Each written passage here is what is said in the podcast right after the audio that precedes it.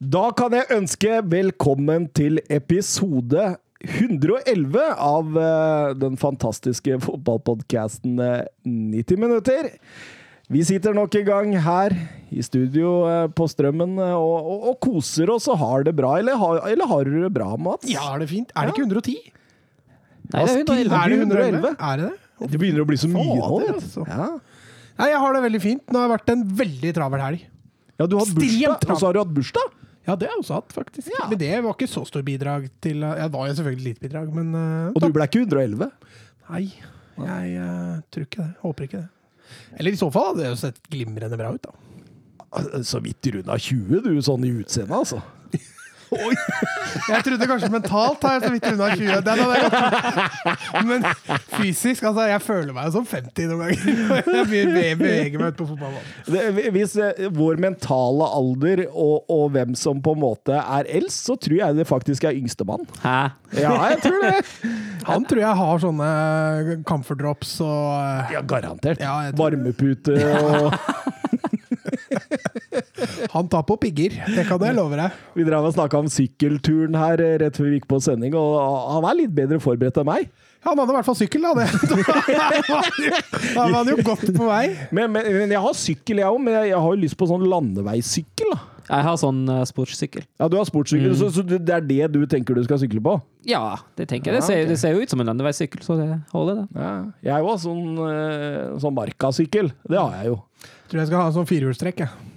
Jeg tror det hjelper veldig mye hvis du har sånne slicks, sånne dekk. Sånne der tynne, Mm. deilige dekk uten sporer. Da tror jeg du Ja, Dere skal ikke sykle så mye offroad, Nei, jeg tror jeg får ikke håpe det. Det kan godt hende. for da blir det mye punkteringer og mye stopp. Og så skal vi jo sykle for et veldedig formål, da, Søren. ikke sant? Ja, og det blir jo bra. Åssen går det med deg, Søren? Går det bra? Nei, jeg har det fint. Nå gjenåpner jo Oslo i morgen, og jeg gleder meg, må jeg si. Det er kjempehyggelig. Og så skal det bli skikkelig fint vær til helgen, så det er jo gledelig det òg. Nå kommer sommeren. Da går det tre kvarter, og så må vi stenge ned igjen. Raimond står der og sier fra. Nå stenger vi ned byen, og så går Søren rett i kjelleren igjen. Ja. Det kan fort hende. Men betyr, betyr det at uh, fotballen din åpner igjen nå? Ja, vi får trene med avstand, da. Bredde og idretten er jo nedprioritert tidligere, da, og nå Ja da, ja da. Nei, det er ikke, må ikke tenke på det. Nei. Nei. nei, nei, nei. Vi Men, får ikke eh, trene vi- med noe som helst, egentlig. Men vi tar jo opp uh, trening i hvert fall med avstand, og det er jo uh, Det har vi ikke gjort på seks måneder heller. Så sånn sett er det jo skritt fram, men eh, jeg skjønner jo frustrasjonen veldig godt som uh, Det er litt opprør nå. Ja, det er det, og det, Det er mobilisering til demonstrasjon på Stortinget, og det er et par Oi. lag på Sunnmøre og på Østlandet som eh, skal gå imot og trene normalt framover. Ja. Å, såpass, Det er det. Ja, ja, jeg, skjønner, jeg skjønner det veldig godt. Ja, jeg har heller ikke ropt så veldig høyt. Jeg tenker at det, det var på tide at noen gjorde et opprør her. Altså. Nå er, nå er det nok.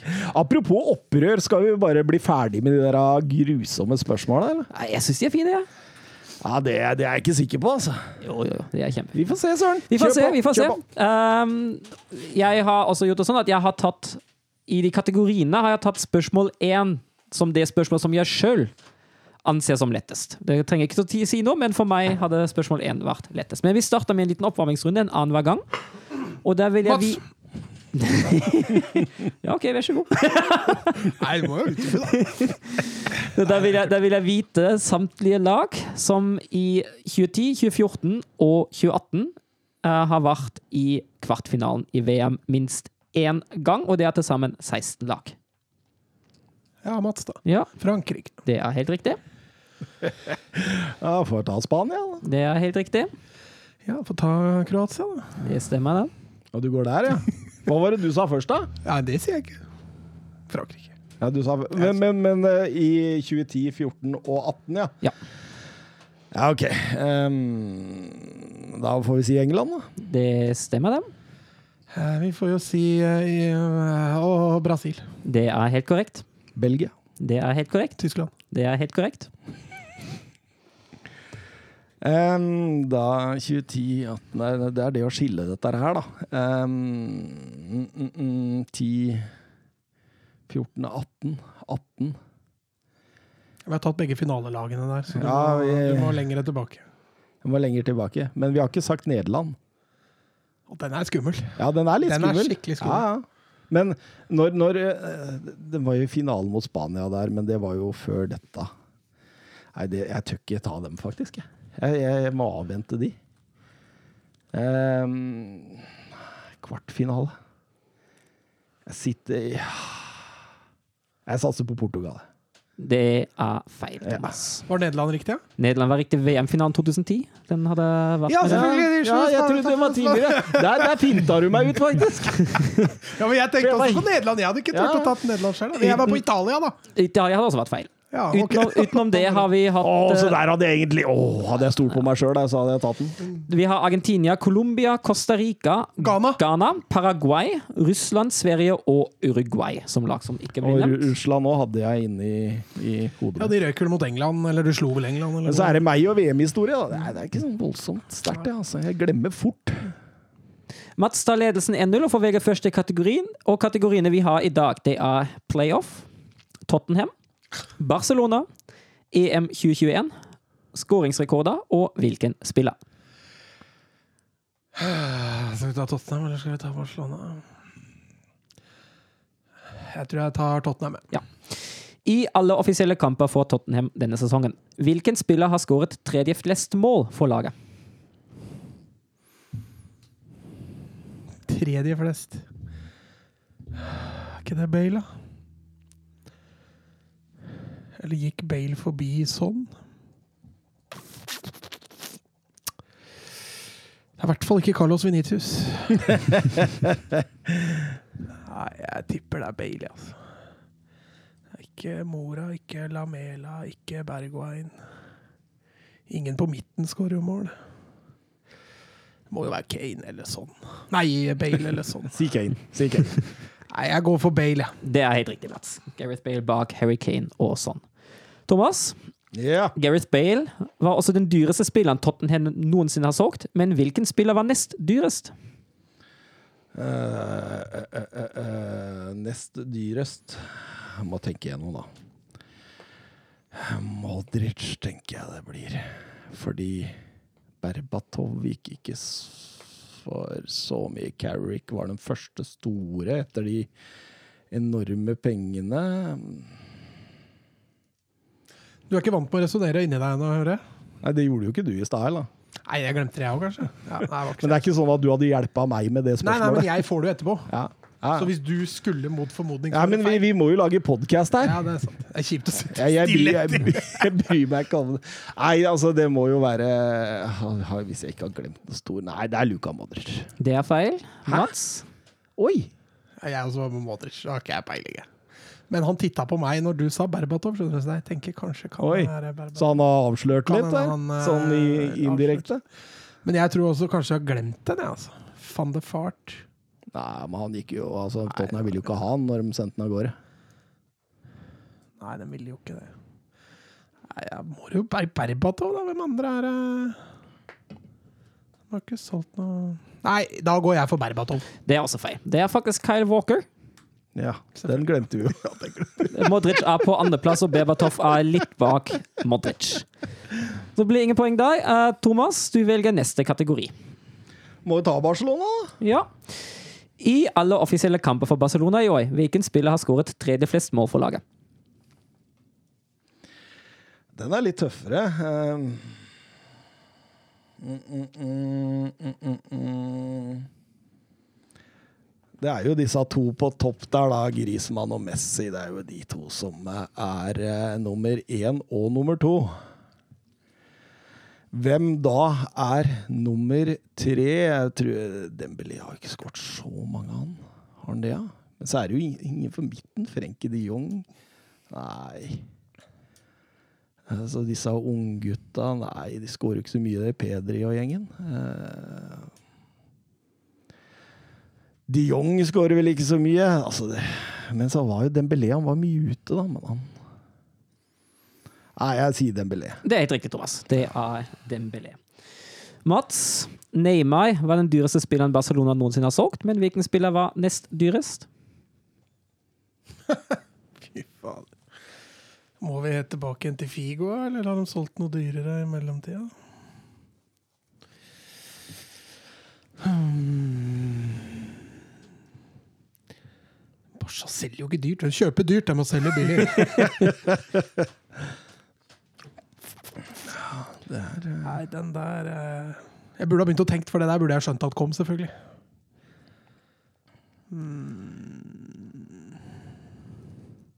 Kan ikke du resonnere litt, da? Jeg, jeg har liksom et par navn som de har solgt, men det er ikke dyre salg, vet du.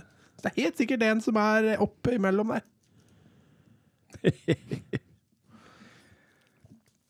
Ai, ai, ai, ai, ai. Luis Suárez ble kasta ut. Vidal ble kasta ut. Så er det sikkert ingen av dem. Det er ikke noen av dem. Nei, jeg sier Figo. Det er feil. Thomas? Ah, den er tøff. Kan du si hvor mye han kosta? Nei, det sa jeg ikke på, på Walker heller. Men blei David Villa kasta ut? Nei, han ble solgt. Ja, han ble, men han ble solgt også, og det, det, det ligner jo litt det som har skjedd med Suárez nå, ikke sant? Det der at de gikk jo Men David Villa var jo en liten fiasko i Atletico når han gikk dit. Suárez har vel kunnet kalle oss en suksess. Ja, ja. Men, men de vant vel gullet året etter at de dro. Tror jeg. Jeg sier David Villa. Jeg har ikke noe annet. Det er også feil. Det var Arthur. André Gomez! Arthur Arthur, ja. for uh, 72 Det var såpass nytt, ja. Ja. Den greia der er jo det at de fikk jo han Pjanic i retur, så du tenker ikke så mye ja, Figo. Figo ligger faktisk på tredjeplass. Ja, Mats, da kan du velge neste kategori. Ja, hva var det. Det var playoff, EM 2021, skåringsrekorder og hvilken spiller. EM 2021. Vi kjører på med den, vi. Ja, Hvor spilles EM-finalen i år? Eh, Wembley. Det er helt riktig, Mats. Thomas, ja. det er ett land Du og den landslagsfotballen, altså! Det er ett land som tidligere i år har sjokkert en internasjonal stormakt som debuterer i mesterskapet i år. Og de kom seg inn via playoff-spillet i Nations League gruppe D, altså det laveste nivået. Hvilket land er det? Kan du si at de sjokkerte Tyskland? Ja, jeg husker jo den kampen. Eller jeg husker jo du etter eh, det tapet, men jeg husker jo ikke hvem det var mot nå.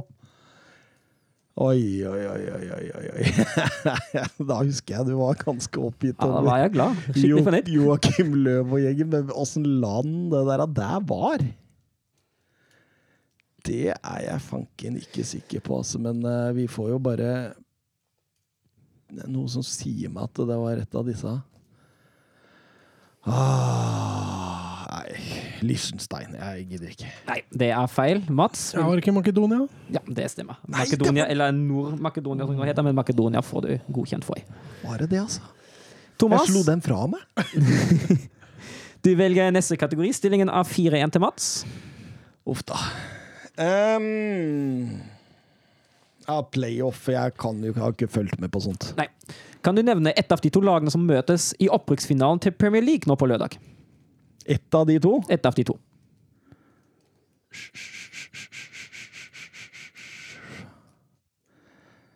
Det var jo da Norwich som rykket opp, og de fikk med seg Fanken, altså.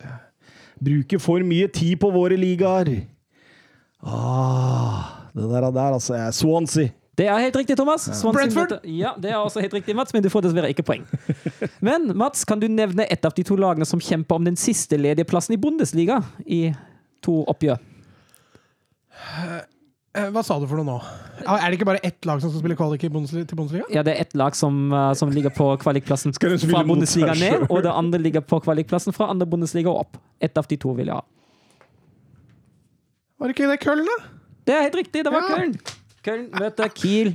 Kiel, ja. ja stemmer. stemmer, stemmer. Kiel. ja. Det hadde vært kult om Holstein Kiel vant. Altså. det er jeg helt enig. Jeg heier på Kiel i den kampen. Altså. Mats, da kan du velge neste kategori. Det som står igjen, er skåringsrekorder og hvilken spiller. Skåringsrekorder.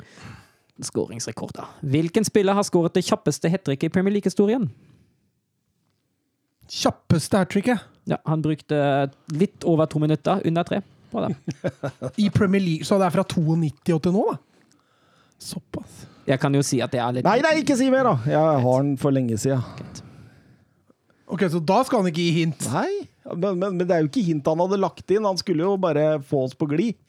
Men når han ene kan den Ja, da skal jeg holde kjeft. Ja, ja, Men han ga jo hint i stad når han sa Tyskland. Da hadde jo Jenny den hadde jeg allerede. Da hadde hun det. Nei. Tyskland sto faktisk for spørsmålet. Takk. Hør på Quizmaster Mats. Greit. Tre minutter. Du har ikke tre minutter på deg, altså. Nei, du har ikke det. Fader. Kan være så mange, vet du. Sikkert Kane, vet du, siden han har den. Siden han ler så godt, så er det ikke Kane. Nei, eh, Aguero. Det er feil, Thomas. Eh, Sadio Mani. Det er helt riktig, Thomas. Da er det 3-5, og du får neste spørsmål i skåringsrekorder. I Bundesliga har Robert Lewandowski satt ny rekord med 41 mål i løpet av én sesong. I Serie A er rekorden for flest mål per sesong 36 mål, og den deles av tre spillere. Kan du nevne en av dem? Gonzalo Higuain. Det er helt riktig, Thomas.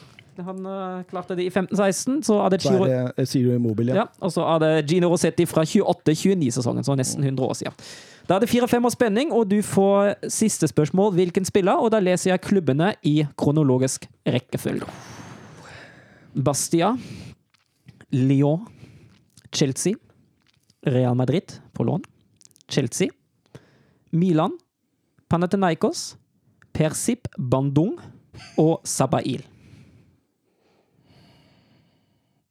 Les de hovedlagene en gang til. Ja, Start av karriere sa de Bastia, Lyon, Chelsea, Real Madrid på lån, Chelsea, Milan, Panathinaikos, og så forsvinner det litt. Lyon, Chelsea, Real Madrid på lån. Og så Chelsea igjen.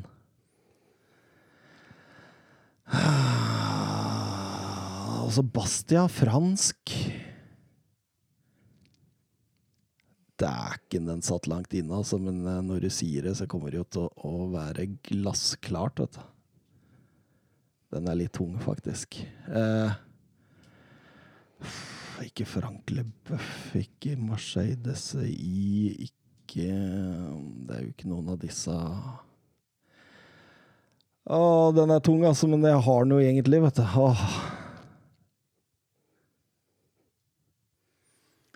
Den er slitsom, altså. Men, men den, den er jo så lett når han sier det.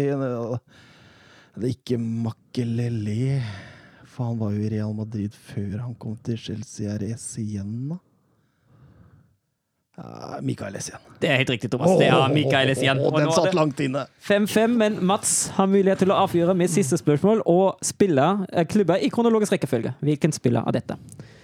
Sevilla, Arsenal, Real Madrid, Atletico Madrid, Benfica, Atletico Madrid, Sevilla, Español, Cordoba, Xinjiang Tianchen Leopard, Extra Madura. Det må jo være Reyes. Eh, Det var det jeg kan jo ikke være noen andre. Eh, Sevilla, Arsenal, Sevilla, Real. Atletico Madrid. Alle de klubbene. Checky og Reyes. Det var det første jeg Ja, det var flere klubber der som Men så ble blei jeg veldig usikker på slutten. Hva var de siste? Hvor er det han la på hen? Eh, Jeg kan ta grunnen en gang til, hvis du vil. Etter Atletico hadde, ben, Atletico hadde Benfica, Atletico, Sevilla, Español, Cordoba, Xianjing, Chianchen Leopard og Extra Madura. Dreiv vi på så lenge?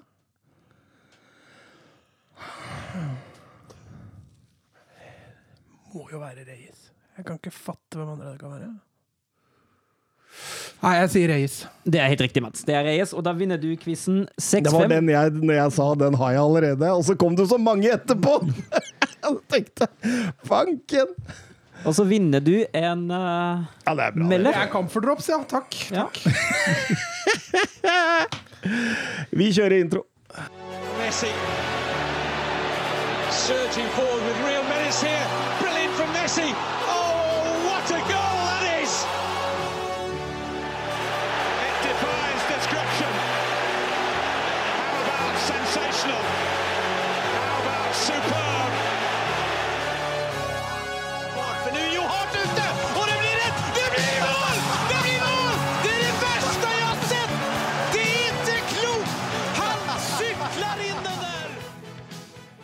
Ja, og vi går rett til eh, Premier League. Vi går til eh, Arsenal mot eh, Brighton, og fikk jo inntrykk om at det var tot over Tottenham som sto mer i fokus for Arsenal enn selve å komme til Conference League her. Du så spesielt utover i kampen der når Tottenham-kampen lå og vippa, at nesten alle som var inne på Emirates, satt på telefonene sine og Ja, men det er jo, altså, det er jo ikke Conference League som, ja, som er det mest eh, attraktive, kan jeg tenke meg. Plassen i Conference League deg en plass i Europaligaen hvis du vinner den. Uh, og så er det, det er jo mye belastning, så må du reise til kanskje Kasakhstan uh, eller dypt ned i Portugal eller noe sånt, og det er jo ja, det er jo kanskje ikke det, det greieste når du allerede har et tettpakka kampprogram. Uh, Nei, men det, kjente, det tror jeg faktisk de driter litt i. Kommer du foran Tottenham, det tror jeg er viktigere. Jeg tror det er viktigere. Ja, Ja, ja, ja. Eh, storlag i Conference League, hvor lang tid tror du det tar før de stiller fullt mannskap? lang tid. Men eh, hvem er storlag i Conference League? Det Tottenham. Det blir jo Tottenham, Det Tottenham, ja. foreløpig. Altså, det også tenkte jeg litt på. Hvis vi Areal vinner Europa League, da mister de Conference League-plassen sin fordi de kommer inn i Champions League. Kommer det da et nytt spansk lag inn? Ja, Er du sikker? det skal det gjøre. Er du sikker på det? Ja. Ok. Ja. Nei, jeg er ikke helt sikker. Men, jeg, men det, det er vel sånn det praktiseres ellers. ja, det kan Sånn i forhold til Champions League og i forhold til Europa League, så har du jo alltid praktisert sånn. Ja. Ja, fordi fra Italia, de sender jo De sender jo Roma.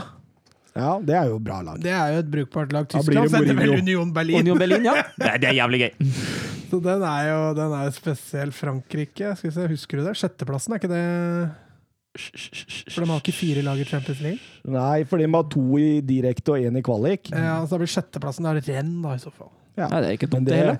Kamavinga er på vei bort, da. Men vi, nå sklir vi ut eh, før vi har snakka tre minutter Ja, her. Vi, vi, vi, vi drar over til Arsenal-kampen. Det var jo Arsenal var best, men det var en kjedelig Ja, fryktelig. Og, og Arsenal var best etter 15 minutter, syns jeg. Jeg syns de første 15 bar veldig preg av at uh, det var en kamp da, egentlig. Altså, så veldig mye å spille om var det ikke. Det var ikke det, og det, det merka du. Men uh, en ting som var litt morsomt, da, det var jo at Dan Byrne var venstrebekk i en flat flat ja. og, og det var jo stort sett på Dan Byrne sin side også. Det ble produsert utover i kampen. Ja, og det skyldes jo kanskje mest at han møter PP, som var den eh, som Arsenal ønsket å få i én-mot-én-situasjoner og i utfordrende posisjoner. Og det er også han som eh, til slutt skåra de to mål. som gjør da at Arsenal la på en måte press på Tottenham om å, å for første gang på fem år komme seg over Tottenham på tabellen. Ødegaard er sist. Ja, og jeg syns han tidvis er bra. Ja, Ja. Jeg syns han eh, gjør mye bra. Han ønsker en straffespark der i er veldig tidlig i andre omgang. Det syns jeg er greit at det ikke blir straffe. Ja, det syns jeg nok helt klart. Og, eh, og eh, fin eh, 2-0-seier til Arsenal mot et Brighton-lag som De så litt ferdig ut. Vi du at Brighton er det laget som har tatt færrest poeng i forhold til expect- expected points? Mm. Og ganske mye. Men jeg syns ikke de viste det i den Nei, kampen. nei, nei, uten sammenligning for øvrig. Men de har altså XP, expected points, da, på 61. Og Det er ganske høyt. Det er ganske høyt, ja. Så sitter de når sesongen er ferdig nå med 41 poeng, som er 20 poeng mindre. Hvor, enn hvor høyt hadde 61 gått, da? Du som sitter med tabellen foran deg der. Ja, nei, det hadde vært A med Arsenal. Ja. Det sier jo mye, og det sier jo mye om Graham Potter, og at han har gjort en god jobb, men de mangler liksom den på topp der Ja. som kan uh, omsette. Eh, vi går videre til Aston Villa mot eh, Chelsea, og det var jo et Chelsea-lag som hadde alt i sine hender, Søren. Ja, og alt å spille for. Fjerdeplassen Champions League, en seier i, uh, i Birmingham der, og fjerdeplassen var sikra. Uh, Matchelesters resultat var vel nok det òg. ja, men eh, jobben måtte gjøres, eller måtte forvente i hvert fall at jobben måtte gjøres. Det bølget jo litt i Leicester. Ja, for de gjorde det jo bedre enn Leicester. Ja, absolutt. Og jeg, jeg syns jo Chelsea isolert sett spiller en bra fotballkamp i denne her. Ja, det, det, det mangler jo, det, Hvis vi snakket om Brighton, som uh, sliter hele sesongen med å konvertere sliter i hvert fall Chelsea den kampen med å konvertere de sjanser de får til mål. Det gjør det. det. Den bretter ut spillet, de strekker og vender på Villa, og det er et enormt trykk der en periode. Mount, Werner, Shilwell, Pulisic, alle har store sjanser, og, og uh, Jeg syns Aston Villa kommer litt inn i det etter den første halvtimen. Da begynner det å Og Grealish kommer litt på ball. Grealish er jo viktig, det er jo ingen tvil om for det Villa-laget der. Men jeg syns jo, som du sier, Chelsea er jo det førende laget der. Og det føler seg nok litt urettferdig eh, betalt, holdt jeg på å si, når de sitter der med tap altså, etter den kampen der. For det var altså, to av de sjansene til Pulisic. Eh, Chilwell, som selv om han scorer, så har han jo en gigantsjanse etterpå. På noe er nesten helt lik som scoring. Altså. Men Bertrand Traore gjør jo 1-0 der. Og så tenker jeg Ja, men hvem er det som markerte han? Jeg spurte fram og tilbake. Jeg tenkte kanskje er det Aspilicueta som har han, men det ser ikke ut som det er noen som har han. Absolutt ikke. Skandale forsvarsspill. Ja, absolutt. Og, og så tenker jeg på rett i de minuttene etterpå. Da setter de inn noen voldsomme taklinger på Villa-spillere og virker litt frustrerte. Og jeg tenker Skal det så lite til for at det mentale liksom svikter i den gjengen? Det var voldsomme reaksjoner. Ja, Det kan jo hende at de følte seg litt desperate der. Eh, Du så jo reaksjonene til flere av spillerne når Villa skårte. At jeg tror de følte veldig på det presset og det trykket. For mist, altså de var som Søren sa, de hadde jo alltid egne hender. Eh, seier, så er vi safe. Tap, så kan vi faktisk fortsatt være safe. Når de slipper inn et mål og føler de har vært best, så er nok det en bit på frustrasjon. Jeg, jeg har ikke sett dette tegnet før fra Chelsea, så jeg tror ikke dette er en utfordring. Altså. Foreløpig, i hvert fall. Nei. Kommer ut i pause, i hvert fall, Søren, i 191. Det gjør de, men det er ikke Chelsea som skårer. Vi må jo bytte keeper. Det kan jo sies at eh, de gå ut med, med skade, og Kepa kommer inn. Ja, og han kan være Det kan være fare for Champions League-finalen. Ja, Det er i så fall en svekkelse. Uh, og Det første Kepa gjør, er jo nesten å plukke ut ballen av eget nett. Ikke at det er hans feil, da. Kort tilløp på et straffespark der El Ghazi, straffesparket som Jorginho, hadde forårsaket der, og, og setter 2-0. Og det er jo klart det at på, på dette tidspunktet så er det jo Altså, det har vært spill mot ett mål i, i eh, 75 av spilletida, og du ligger under 2-0. Du kjenner på den, altså. Ja, det gjør det. Merkes fysisk Nei, psykisk, det, vet du. Og, og jeg syns jo etter skåringen der at Villa begynner å få litt mer kontroll på Chelsea før det igjen tiltar mot slutten. da. Eh, Ja, Det er to 1-målet som på en måte er litt startskudd for det der, og de byttene Torhild gjør, eh, og de forandringene han gjør. Han, eh, han flytter jo veldig mye på. Han setter jo til og med Aspilicueta inn som en form for en spiss nummer to i perioder der, og skaper litt mer trussel mot, uh, mot boksen til, til Esten Villa. Jeg syns jo Esten Villa prøver iherdig å forsvare boksen sin. De tar krigen, i hvert fall. Men jeg tenkte, hvorfor kjører du ikke Giro inn? Det var så Ja. voldsomt mye innlegg fra sida. Den der har vi diskutert før, under Lampard også. Ja. Eh, når du har kanskje duellspiller nummer én i Premier League, da, ja, i hvert fall toppsjiktet, og så bruker hun ikke i sånne type kamper. Det er veldig rart. Jeg hadde tatt, det er veldig rart. jeg har tatt ut uh, James på kant òg. Har fått en, en da som kan utfordre. Savner det litt i perioder. Ja, eller ja, fått inn en uh, Callum Hudson-Odoi til Ja. å, å, å svinge dem inn der. Uh, Shilwell gjør, som dere sier, 1-2 der, og, og uh, ja, eh, det, det blir jo ikke noe særlig mer. Aspille Kuelta får et rødt kort på slutten. Eh, Mats, du var litt overraska over det? Ja, altså For meg ser det ut som han ikke gjør den armbevegelsen med hensikt om å slå Grealish. Eh, det ser selvfølgelig litt brutalt ut, men eh, jeg syns den var, eh, var billig. Er du enig med den, eller Søren? Ja, jeg syns egentlig det var helt greie. Jeg synes, jeg synes han, jeg synes, Dasker tett? ja, jeg syns han mista litt hodet. Ja, ja det ser, kan se sånn. Det, det som var morsomt, da, det var at denne Karni Shukwumeka kom inn. Det er, anses som et av de større større talentene i engelsk fotball. Eh, Det er liksom litt sånn Bellingham-sus over talentet hans. Kommer Eh, mye bra fra Birmingham også. Ja, absolutt. Eh, Han står på lista vår, gjør han ikke? Eh, jo, det, vi, vi, vi, vi, altså nå står det jo 100 navn der, altså. Det, men uh, oktober 2003-modell. uh, debuterte mot Tottenham i midtuka der. Eh, gå i gjetord om han. Det blir spennende å se utviklinga der. og Håper han blir i Villa og under Dean Smith, som kan eh, virkelig få noe ut av det der her. Altså. Råmaterialet er jo så spennende som det går an, faktisk. Jeg tenker også på det fysiske. Ja, absolutt.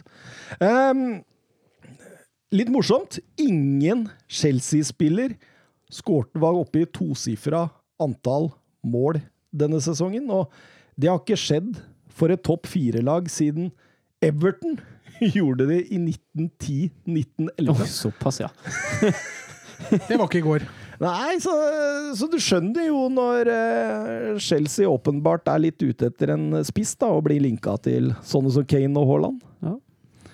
Ehm, Sandra HJ på Twitter spør eh, Seks poeng av seks mulig etter Grealish kom tilbake. Det er også mot storlag som Chelsea og Tottenham. Topp tre viktigste spillere for sine lag i Premier League. Kanskje til og med topp én. Ja, eller spørre om de topp Ja, tre? hun eller? spør nok oh, ja. om de topp tre. Oh, ja, sånn. Jeg vil jo si topp én av Grealish. Jeg vil jo nesten si det. Jeg kan ikke se for meg en som er enda viktigere for akkurat sitt lag enn eh, Jack Grealish. Du har en i Tottenham. Ja, som Harry Kane, ja. ja. eh, Med Grealish, Men de to tror jeg nok er eh, Bruno Fernandes. helt der oppe. Og så har du kanskje van Dijk, har også vist denne Ja. sesongen at, at han blir viktig. Eh, Et Leicester uten Wardy. Ja, altså du har noen sånne, da. Eh, du kan jo sikkert også ta det brødet ut av City. Diaz nå, da. Så vil det også bli en svekkelse. Men jeg tror altså Grealish og Kane, der tror jeg du har eh, i hvert fall de to øverste. Og Bruno Fernandes har vi også sett innvirkningen av. Så der, ja, jeg tror det er topp tre. Ja, det er jeg for så vidt enig i. Ja, jeg òg. Eh, Vi går over til King Power Stadium, hvor Leicester tok imot eh, Tottenham. Og Jørn Henland spør først på Twitter hva synes Tot Thomas om den nye Tottenham-drakta? Å, den det, Vet du hva? Jeg elsker at den er så stilren og fin. Altså, kun, kunne jeg bytta bort det eneste, da, men som ikke lar seg gjøre, det er denne mm, altså sponsorlogoen, som er rød. Det gjør at det blir litt skjæringer, men selve drakta Åh, jeg er så fornøyd, jeg. Jeg er så fornøyd. Det er en av de bedre på lenge, altså. Um, over til kampen. Uh, Syns jo Leicester kommer best ut, og jeg syns Tottenham ser livredde ut for farta til Wardy. Ja, fryktelig, fryktelig. Og det er jo akkurat det Leicester prøver å spille på. Uh, samtidig syns jeg, som du sier, pre uh, Leicester kommer godt ut, og presspillet til Leicester fungerer godt. Tottenham tvinges egentlig mest langt, mest ut på sånn. Uh, får ikke brukt uh, aktivert Kane og Ali på en måte som de egentlig er vant til. Og den kampplanen til, til Leicester lykkes veldig, veldig godt. Ja, jeg syns, syns Leicester var strålende i starten. også. Ja, det er vel litt derfor også Davinson Sanchez fikk sjansen fra start istedenfor Dyer, for å ta litt hensyn til, um, til Wardy. Men eh, jeg syns det er jeg eh, Tottenham har kanskje litt feil inngang. At det blir litt for mye fokus på det offensive kvaliteten etter Leicester. Ja. Ja, det, det, det er jeg for så vidt helt enig i. Jeg ble litt overraska over den starten. Og, og, og det må jo eh, 1-0 under eh, ved Jamie Wardy på straffespark før Tottenham egentlig begynner å våge. Og Wardy spesial, måten man skaffer straffespark på. Ja, den, ja, jo. Men, men, men, men, ut med beinet der for å bli tatt! men den syns jeg er grei. Ja, den er grei. Ja, det er verre med straffe nummer to. Der sliter jeg litt, fordi, fordi ehm, Vi kan først ta 1-1 med Kane, og så Ja, og så går man til pause. Altså Kane, og vi må ta med det òg. Han elsker å spille mot Leicester. Det er hans 15. Premier League-mål på tolv møter eh, mot Leicester. Det er kun Scherer mot Leeds og eh, mot Everton. Og eh, Les Ferdinand også mot Everton, som har flere mot én singel motstander i Premier League-historien. Så Kane og Leicester, det er jo alltid Leicester bør kjøpe Kane. Det er det vi Det er konkluderer med her. Men blei han toppskårer, da? Han blei toppskårer, Kane. Og han blei også uh, king of assists. Så han dro med seg begge. Ja. Det er greit. Nei, det er For et lag som havna i Conference League. Ja. Ja, du så på meg! Han er målløs! Du, du så på meg. Ja. ja, Men, men, eh, det så ut som du hadde lyst til å si noe. Nei, jeg har egentlig lyst til å si noe om, eh, om andre omgang når vi kommer dit. Ja, kom igjen, da. Ja, Kjør på. Jeg, jeg, jeg synes jo eh, Altså, Kampen i første omgang er jo helt grei. Jeg syns kampen i andre omgang er noe av det morsomste jeg har sett denne helgen. altså. Ja, jeg synes det var det er frykt, og, og det er så gøy. Det er noe så sjeldent som, eh, som to lag som har noe å spille for. Det har vi jo ikke hatt i mange kamper denne helgen her. Og det, det ses. Det er høy intensitet, det bølger fram og tilbake, eh, og særlig av utligninger. Og begge lag vil opp og fram og vil skåre mål, og det var, det var, Ja, det var jo rein fotballunderholdning. Men jeg tror det var bra jeg, for den Conference League-duellen mellom Arsenal og Tottenham. At det var de to som Ja. duellerte. For det kan hende det hadde gått over i en sånn Skal vi ta den Conference League, eller skal vi droppe det? Men i og med at det var de to som konkurrerte, så blei det jo om liv og død, omtrent. Ja, absolutt. Eh, Først da Leicester får et straffespark der etter 51 minutter, og, og det er litt, nesten litt sånn småkvalmt å se på hvordan den konstrueres, og at dommere Altså, la meg si det sånn, da. Åssen kan VAR be dommeren gå ut og sjekke skjerm på straffe nummer én, men at de ikke gjør det på straffe nummer to? Ja, altså, Wardy holder, Det er jo han som holder Sanchez i en saks der, på en Ja, måte. ja. Og at dommeren lar seg lure. Det ser ut som en hold, det kan jeg forstå. Men som du sier, når du ser den i reprise om igjen og om igjen, så blir du bare mindre og mindre klok på at dommeren ikke Ja, du, man fatter ikke Nei. hva er det som skjer der! Men altså, Førsteinntrykket så skjønner jeg at dommeren lar seg lure, men når, du, når vi har VAR, da, så hvorfor i alle dager kan man ikke ta de der? Og når du ser reaksjonen på Sanchez òg, det er ikke veldig ofte når man tar og, eh, og, og feller noen ganske klart, at man får de reaksjonene. Du ser jo han er etter, etter, på- etter kampen nå. Selv etter at Tottenham da har vunnet, så ser du han er ute etter dommeren der og skjønner ingenting. Nei, jeg kan jo forstå det. Og, og Sanchez gjorde en god kamp mot, ja. uh, mot uh, Wardy, altså. Han uh, tok ut nok dybde og hang med i løpsduellen og syntes han egentlig spilte strålende. Ehm, og, men dette utjevnes jo litt. og Er det et sjølmål på 2-2, eller er det Det er sjølmål. Ja, Han han i eget mål. Det står registrert som Kasper Schmeichel-mål, ja. Mm. Det er vel Sanchez der som er oppe og så Forstyrrer. forstyrrer han litt. Eh, uten Sanchez så hadde nok ikke Schmeichel slått den i eget mål, nei. Eh, men han jubler som han har skåra. Mm. Og, og da synes jeg etter 2-2 der at Tottenham kjører Leicester fullstendig, og Leicester ser nesten litt ferdig ut. Ja, det ser ut som at luften går litt ut av den, eh, av den ballongen og Tottenham Altså, nå kan jo Tottenham spille på eh, sine styrker òg. Nå er jo Lessa som må fram, Uh, og det behager ikke nødvendigvis til Leicester-laget. Særlig ikke etter at det defensive byttet med Pereira for Medicine kom noen minutter før. Og da, da blir det tøft å å omstille seg enda en gang. Uh, jo, det, er jo noen, det er jo den muligheten som Wings uh, tar etter en overgang, og så har de jo litt, uh, litt dødballsjanser, men utenom det kommer det lite fra Leicester. Ja, absolutt. Og, og Gareth Bale har kommet inn der og setter både 2-3 og 2-4 der. Eh, To-fire mål er artig, da. Ja, voldsom kløning i Leicester-forsvaret. Altså Det Shoyonsho gjør, driver med der jeg, Altså Jeg skjønner at Kane er viktig å ta ut, altså, men eh, han, han løper jo bare Han løper bare forbi Bale for å løpe ut og ta Kane! Og Bale er ballfører med nesa rett mot mål! Det er veldig rar, den Det der. er, der. er merk. Altså Bale midt foran mål er nok hakket farligere altså enn Kane litt ut på sida. Ikke ifølge så Nei. Soyonshu! Han gjør den vurderinga. Nei, vi tar ut Kane! Det er vel også han som klarerer ballen i eget mål, som først muliggjør den sjansen der. Ja, eh, absolutt. absolutt. Og, og, og med det målet så har Bale skåra hvert 84. minutt i, i Premier League, og det er kun i Premier League-historien Ole Gunnar Solskjær som har skåra hyppigere av de som har kommet over ti mål i sesongen. Tenk det! Tenk det.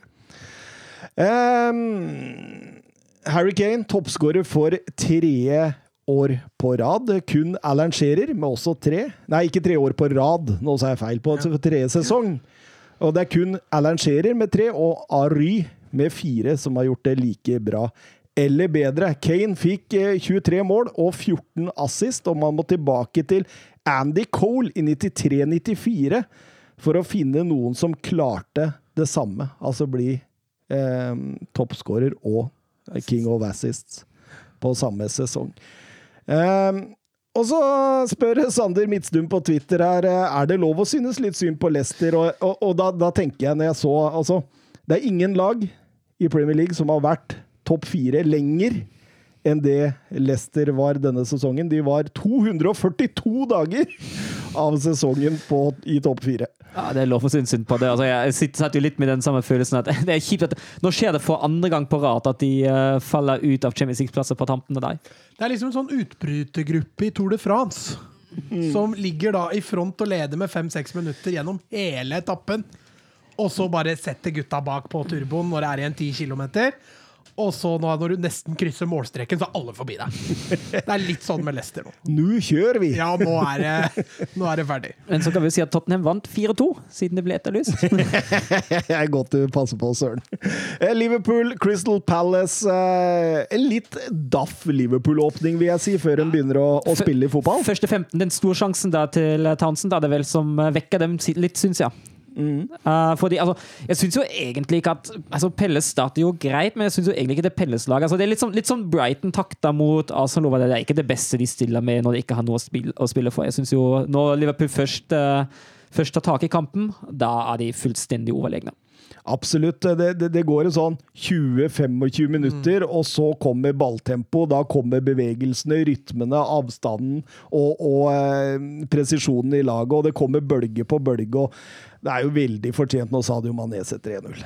Utvilsomt. Da har Liverpool kjørt matchen det siste kvarteret og eh, Litt utypisk kanskje at det kommer etter en dødball, sånn klabb og babb, men eh, veldig fortjent at Liverpool tar ledelsen. Og senker skuldra. Du ser Klopp blir eh, letta når den goalen kommer.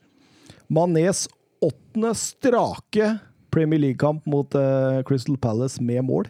Det er kun van Persie mot Stoke som har hatt lengre streak. Det Sterkt. Det er For Palace bør kjøpe Mané. Den konklusjonen drar vi hele dag. Hver gang. Eh, og jeg syns jo annen omgang der òg, altså eh, Liverpool har god kontroll. Jeg synes eh, Imellom 50 Jo, til men- 60 minutter så justerer Palace litt og prøver, men da åpner det opp de Saroma, de kanalene som eh, Salah Men dette tror jeg Klopp har vært bekymra for store kamper, eller flere kamper i år. mm. 1-0-ledelse, vi har kontroll i gåseøynene. Uh, og så kommer 1-1. Det har skjedd ofte med Liverpool i år. Uh, så jeg tror ikke Klopp var helt happy før Mané setter 2-0. Fin overgang. Absolutt. Og vendinga helt over der, og Mané får all verdens rom. Hadde han ikke skåra på den, så hadde det nok vært en egypter som var litt misfornøyd i, på veien i boksen. Men eh, så lenge han går i mål, så er det ingen som kan være sure på det. Og etter 76 minutter så takker Gigi Vinaldum av eh, trolig hans siste kamp i Liverpool. Fem år, stor suksess. Hvor går turen videre? Hørte PSG var interessert. Bayern, Bayern var også interessert. Bayern. vet jeg. Mm, mm. Det er gode lag å velge mellom.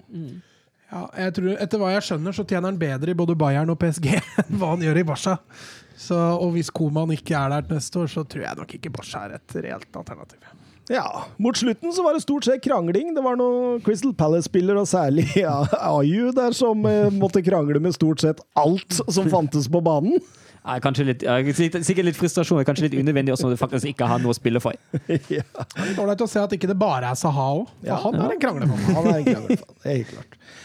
Eh, Twitter, Oscar Carveio Holm. eh, Kudos til Thomas. Du fikk meg til å se lyset i tunnelen når det var som mørkest. Slapp av. Leicester og Westham havner utenfor. Liverpool og Chelsea tar de to siste plassene, sa du. Du ga meg håp, og der fikk du rett. jo, det var ikke noe spørsmål, det var rett og slett et statement, og kudos til meg. Ja. Det setter vi pris på, Oskar. Manchester City-Everton, Mats. Hull, hull, Aguero. ja, vi, vi, kan, vi kan ta den hylsen mot slutten der, for det er da han spiller en rolle. Fordi Ja, han blir vel klappa inn Nei, ut av banen? Eller? ja, det var litt sånn Lewandowski over det. Det, det var det. Men, men før det så eh, Altså Det er jo kontroll fra start til slutt.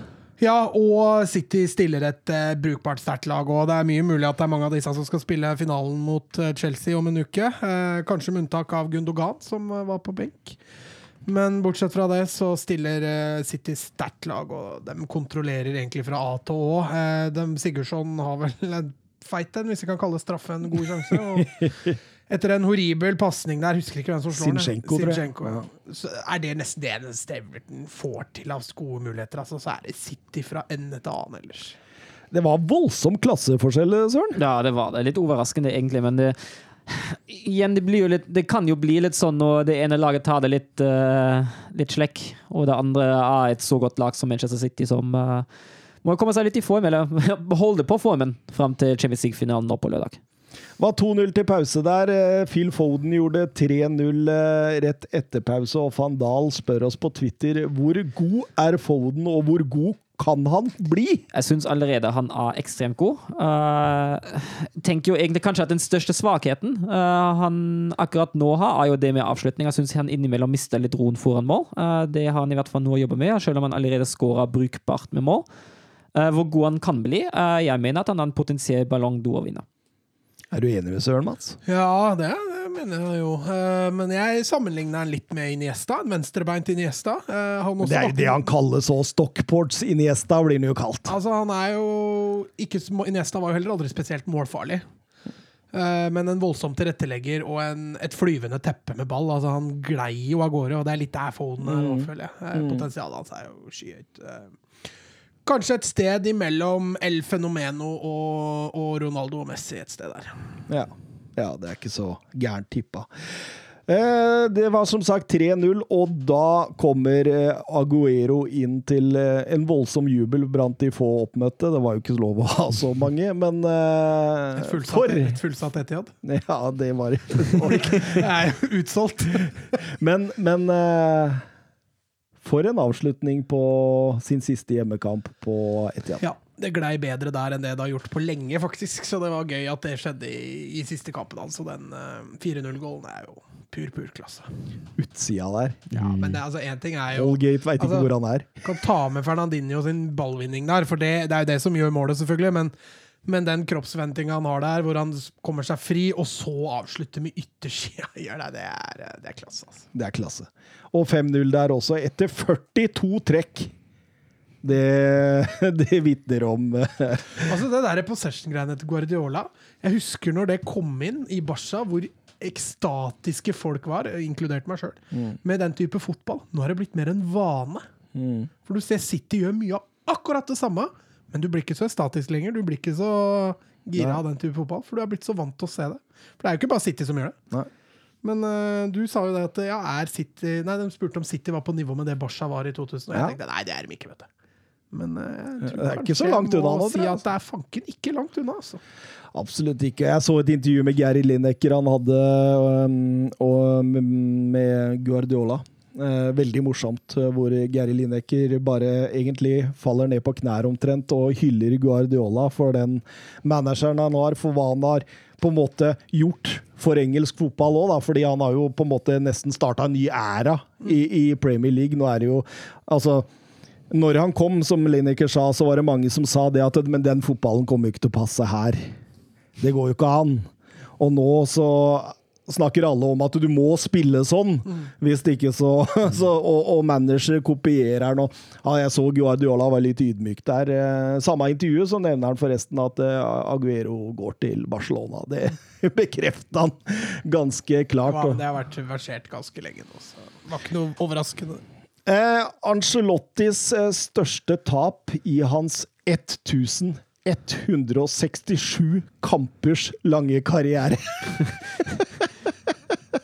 Ja, det måtte vel komme det, da, en gang. Eh, Han, eh, at det skulle komme nå mens han er i Everton borte mot City, var vel kanskje ikke så overraskende. Nei, og det Altså, med tanke på de lagene han har trent, så er jo, må jo Everton være et av de, på papiret i hvert fall, svakere. Ja.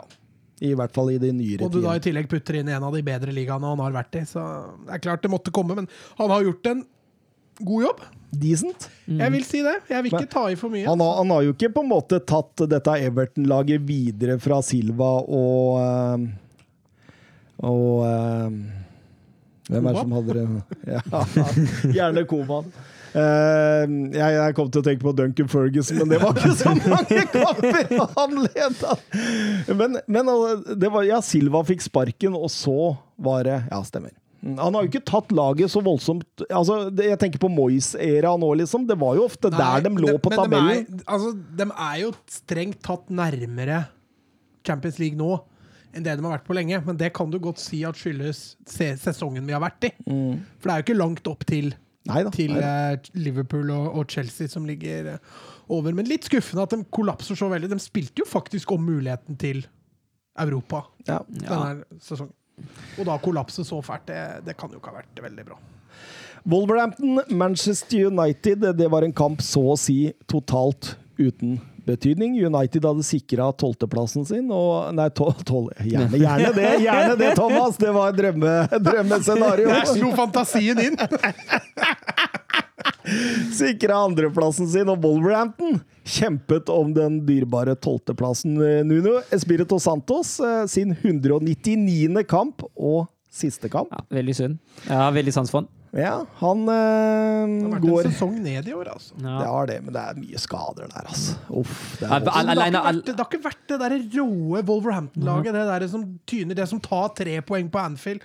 Det som kan finne på å gjøre Det, det har ikke vært det i år. Altså. Nei. Men alene det å miste Jimenez, den er kjip. Den sitter Ja, tungt. Når du ser hva som kommer inn i stedet, altså, henter du han der kløna fra Sociedad. Altså, da, da er du litt desperat, altså. Men eh, jeg er helt enig. Det har vært en eh, Twitter, nisselue på. Eh, Kan Ruben Amorim være et eh, alternativ for trenerjobben i Wolverhampton? Eh, Ser de blir linket til Bruno-laget? Eh, eh, Nisselue på, hva, hva sier vi? Bruno Amorim? Jeg passer med tanke på at han er portugisisk. Ru, Ruben Amorim. Han er jo portugisisk, sånn sett hadde jo, hadde jo passa som han i hanske med tanke hvem, hvem er agenten hans? Til Amorim? Ja. Uh, I hvert fall ikke Mendes. Nei, okay. Nei, da er det ikke sikkert det blir Amorim. Men, det, men Mendes er agenten til Bruno-laget. Mm. Så der kan det ligge noe. Eh, Dessuten har Amorim lova Sporting Lisboa at jeg blir en sesong til. Så eh, det kommer nok en sesong for tidlig, denne her, og jeg tror nok det ligger mye i de Bruno Laget-ryktene. Altså. Gikk jo av som Benfica-trener her, og Ja. Eh, kampen United reserveprega, eller? Ja, veldig. Eh, og det er jo greit nok spare seg til, uh, til Europaligafinalen, som allerede er på onsdag. City har jo en hel uke mellom eh, sin Champions League-finale, mens United allerede må spille igjen på onsdag, så belastningsstyring da er jo sikkert helt greit. Men, Ja, og Villarreal spilte jo på lørdag. Så der tok jo La Liga litt mer hensyn uh, i forhold til det United. Men uh, det er klart når Solskjær sender ut elleve spillere som definitivt ikke kommer til å starte Og Toan Sebe, hvis uh, Maguire er skada. Jeg tror ikke Bailly går inn. Han har jo var pry- Toan Sebe som spilte Premier League-kampen da. Bailly er ikke han som har pleid å spille. Toan Sebe spilte i hvert fall for en skada Maguire i Premier League. Ok, jeg, jeg husker ikke, så jeg kan Nei. ikke arrestere deg på Det er ikke godt å si. Men, eh, men det er som du sier, da. Det er jo i hvert fall en 10-11 spillere som, som fikk hvile der og, og ser kun fram mot eh, finalen som faktisk går i morgen. Stemmer. Eh, kampen, Søren. ja, det Jeg syns, uh, syns Traoré for Wolverhampton er livlig. Han uh, skaper mye furore, men United tar jo en uh, forholdsvis tidlig ledelse med Elanga. Ja, han Hyggelig. fikk ja, bra mulighet først òg. Det er Ja. egentlig den prestasjonen hans jeg syns er best. At han forresten timer innløpet på 1-0 er jo bra, for så vidt, men Svenske? vært Den, den ble, jeg ble nesten litt sjokk, sjokkskada når jeg hørte at Anthony Elanga i Manchester United var en svenske. Men eh, Og så ja. er han ikke 17 år heller, liksom. Han er jo er 19. Ja, 19, tror jeg. Så han er jo snart uh, ut av junioralderen nå. Eh, synd med Traore, da. EM-uttatt der og sånt, og så ut med skade. Lurer på åssen det der, der vil gå. Ja, vi får jo kanskje Ramos kommer inn allikevel. Kanskje. Men en eh, gammel eh, Mats Granvold-helt, Nelson Semedo, gjorde 1-1.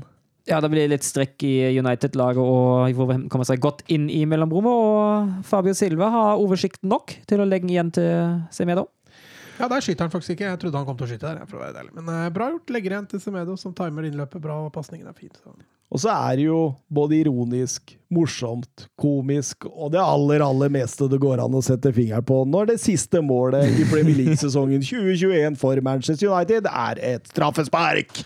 Men det er ikke Bruno som skårer! Nei, det er det ikke! Det er Shwamata! Ja, som antageligvis takker for seg i United med en scoring. Og det var jo hyggelig da, Thomas. Det var- selv, om det var- var, selv om det var på straffespark. Det var hyggelig, og, og annenomgangen blei jo egentlig et stort gjesp. Det skjer ingenting. Det skjer Neida. ingenting. Og Jo, du, James, James har en kjempebom. kan Ja, Det er så latterlig gøy å se på, den chip-forsøket der. At det du ser han nesten bli pinlig berørt. Ja, Ja. men det hadde jeg blitt òg. Altså, hadde jeg tjent så mye penger, og det var det jeg kom for å levere på banen, da hadde jeg også gått ned i knestående og sagt veit du hva, her har ikke jeg noe å gjøre. Dette blir for vanskelig. Men et Wolverhampton da, uten Podence, uten Neto, uten Traoré, uten Jiminez de, de, de kunne jo ikke skåre mål. Nei. Ikke ja noen gang. der. Det var ikke mulig, altså. Og United tar jo en eh, helt fortjent seier, og dermed har de gått hele sesongen uten bortetap. Ja, og det er også en sterk prestasjon. Det skal jo sies. Ja, for det er, det er kun Preston i 80 Altså, da snakker vi om 1888, 89 og Arsenal to ganger tidlig på 2000-tallet som har klart det tidligere i engelsk fotballhistorie. Ja, sterkt, altså. Så der, Solskjær, der skriver du noen gullbokstaver. Absolutt. Eh, over til La Liga, Mats. Over til ditt favorittlag. Vi skal til Eibar mot Barcelona. Og kanskje Nå i er det Barcelona som er favorittlaget, da. Bare så det. Ja, men kanskje i første omgang der så hadde du håpa det var Eibar, fordi jeg syns jo faktisk Eibar er best Ja, i den eh, første omgangen. det skjønner jeg veldig godt. Det var et Barcelona-lag som hadde tatt ferie for lenge sida.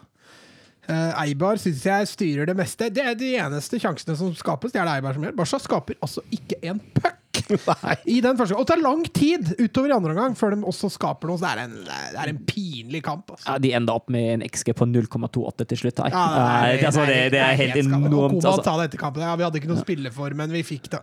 Det er piss meg øra. altså, det, er- altså spillere på det nivået som Barcelona har. Altså, Det er milevis foran Eibar. Eibar hadde allerede rykka ned. I likhet da med Barcelona så spilte de jo bare om æren. Jeg, jeg tror ikke jeg kan huske å ha sett et så svakt Barcelona-lag noensinne. Ja, men altså, så udynamisk! Ja, det var det. Altså Det der Dembélé, Trincao, Griezmann-opplegget på topp var jo helt tullete. Det hjalp litt å få Dembélé ut venstre. Nei, ut høyre, unnskyld. Eh, Da skjedde det litt mer. Men nei Så, altså tenker jeg altså de byttene, de byttene hvor man gjør, og så kommer det igjen Pjanic og Braithwaite. Altså han unggutta sittende på benken, hvorfor får ikke de en omgang? Jeg, jeg forstår det ikke. Hvor mye ønsker du deg et Pjanic-salg i sommer? På en skala fra 1 til 10? Ja, det er tett opp under 10, altså. Du kunne tatt Arthur tilbake nå, hvis du Ja, det, men liksom altså, er litt sånn eh, Altså, det er mange her jeg vil selge, da. Det Ja, har vært klart det ganske lenge.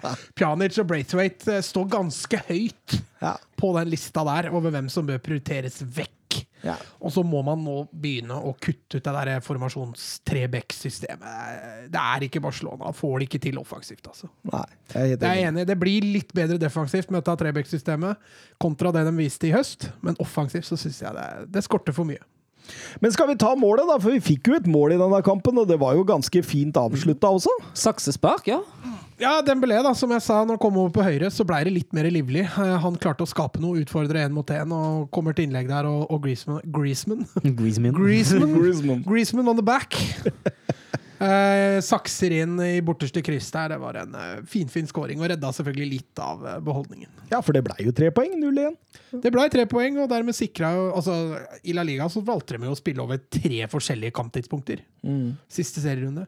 Eh, Riktignok ble de kampene utafor hovedrunden var jo ikke noe av noe viktighet, men Barca kunne jo bli nummer fire. Var nok TV-rettighetene der som hadde et og annet Jo, jo, å si. men Sevilla spilte jo på søndag. Ja. Så hvis Barca hadde tapt mot Eibar, så kunne Sevilla da gått forbi. Ja. Eh, så sånn sett så Så hadde jo både Sevilla og Barca æren å spille for der om å ta en medalje, da. Men med Barca-seier så hadde jo ikke Sevilla noe å spille om ellers. Jonathan Hobber på Twitter. Det spekuleres Manjan til AC Milan, Donnaroma til Barcelona og Ter Stegen til Manchester United.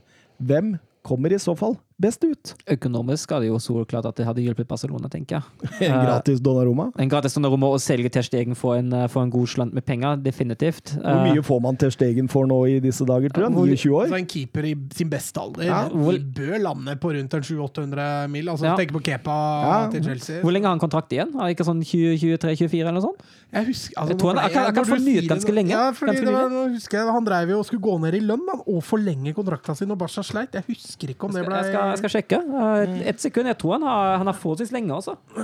Men eh, for Barca sin del, da, få en sju 25 har han. ja, Så det blir ikke billig å hente han. Men eh, Ter Stegen til Man United for 700-800 millioner og Donnarumma gratis fra Milan.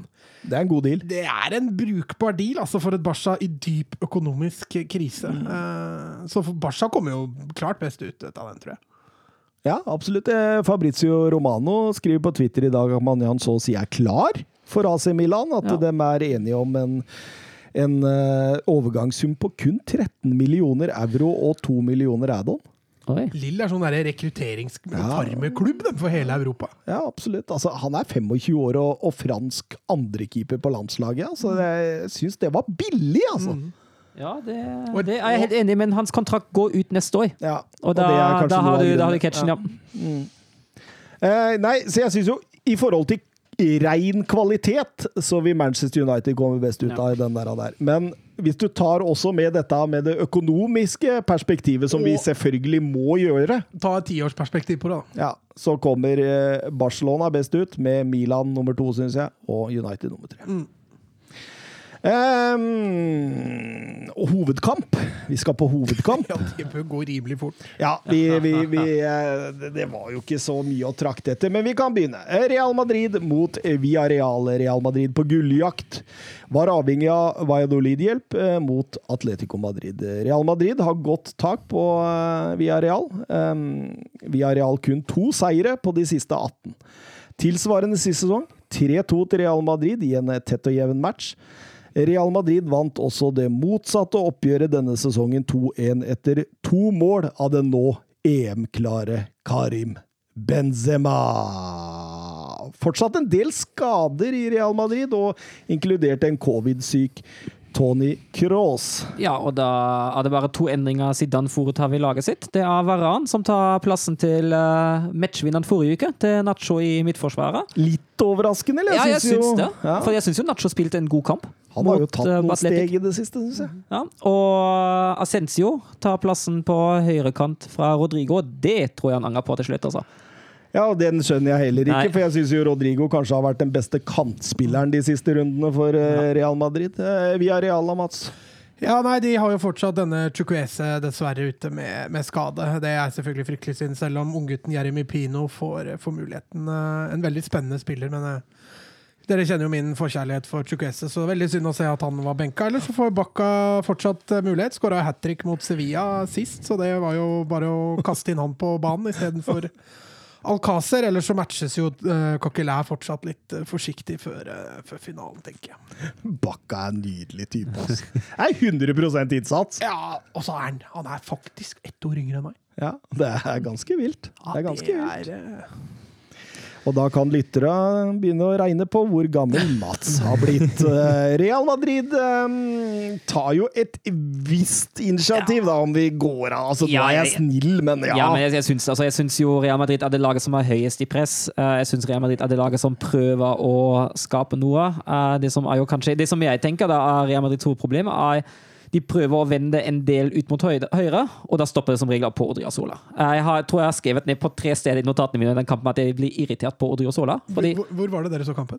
uh, Strife, Strife. engelsk kommentator. engelsk, ja. Engelsk. Jeg så den med norsk, jeg. Ja, det gjorde jeg òg, for jeg så den på TV, og da må du ha norsk. Ja, men du så den på TV 2?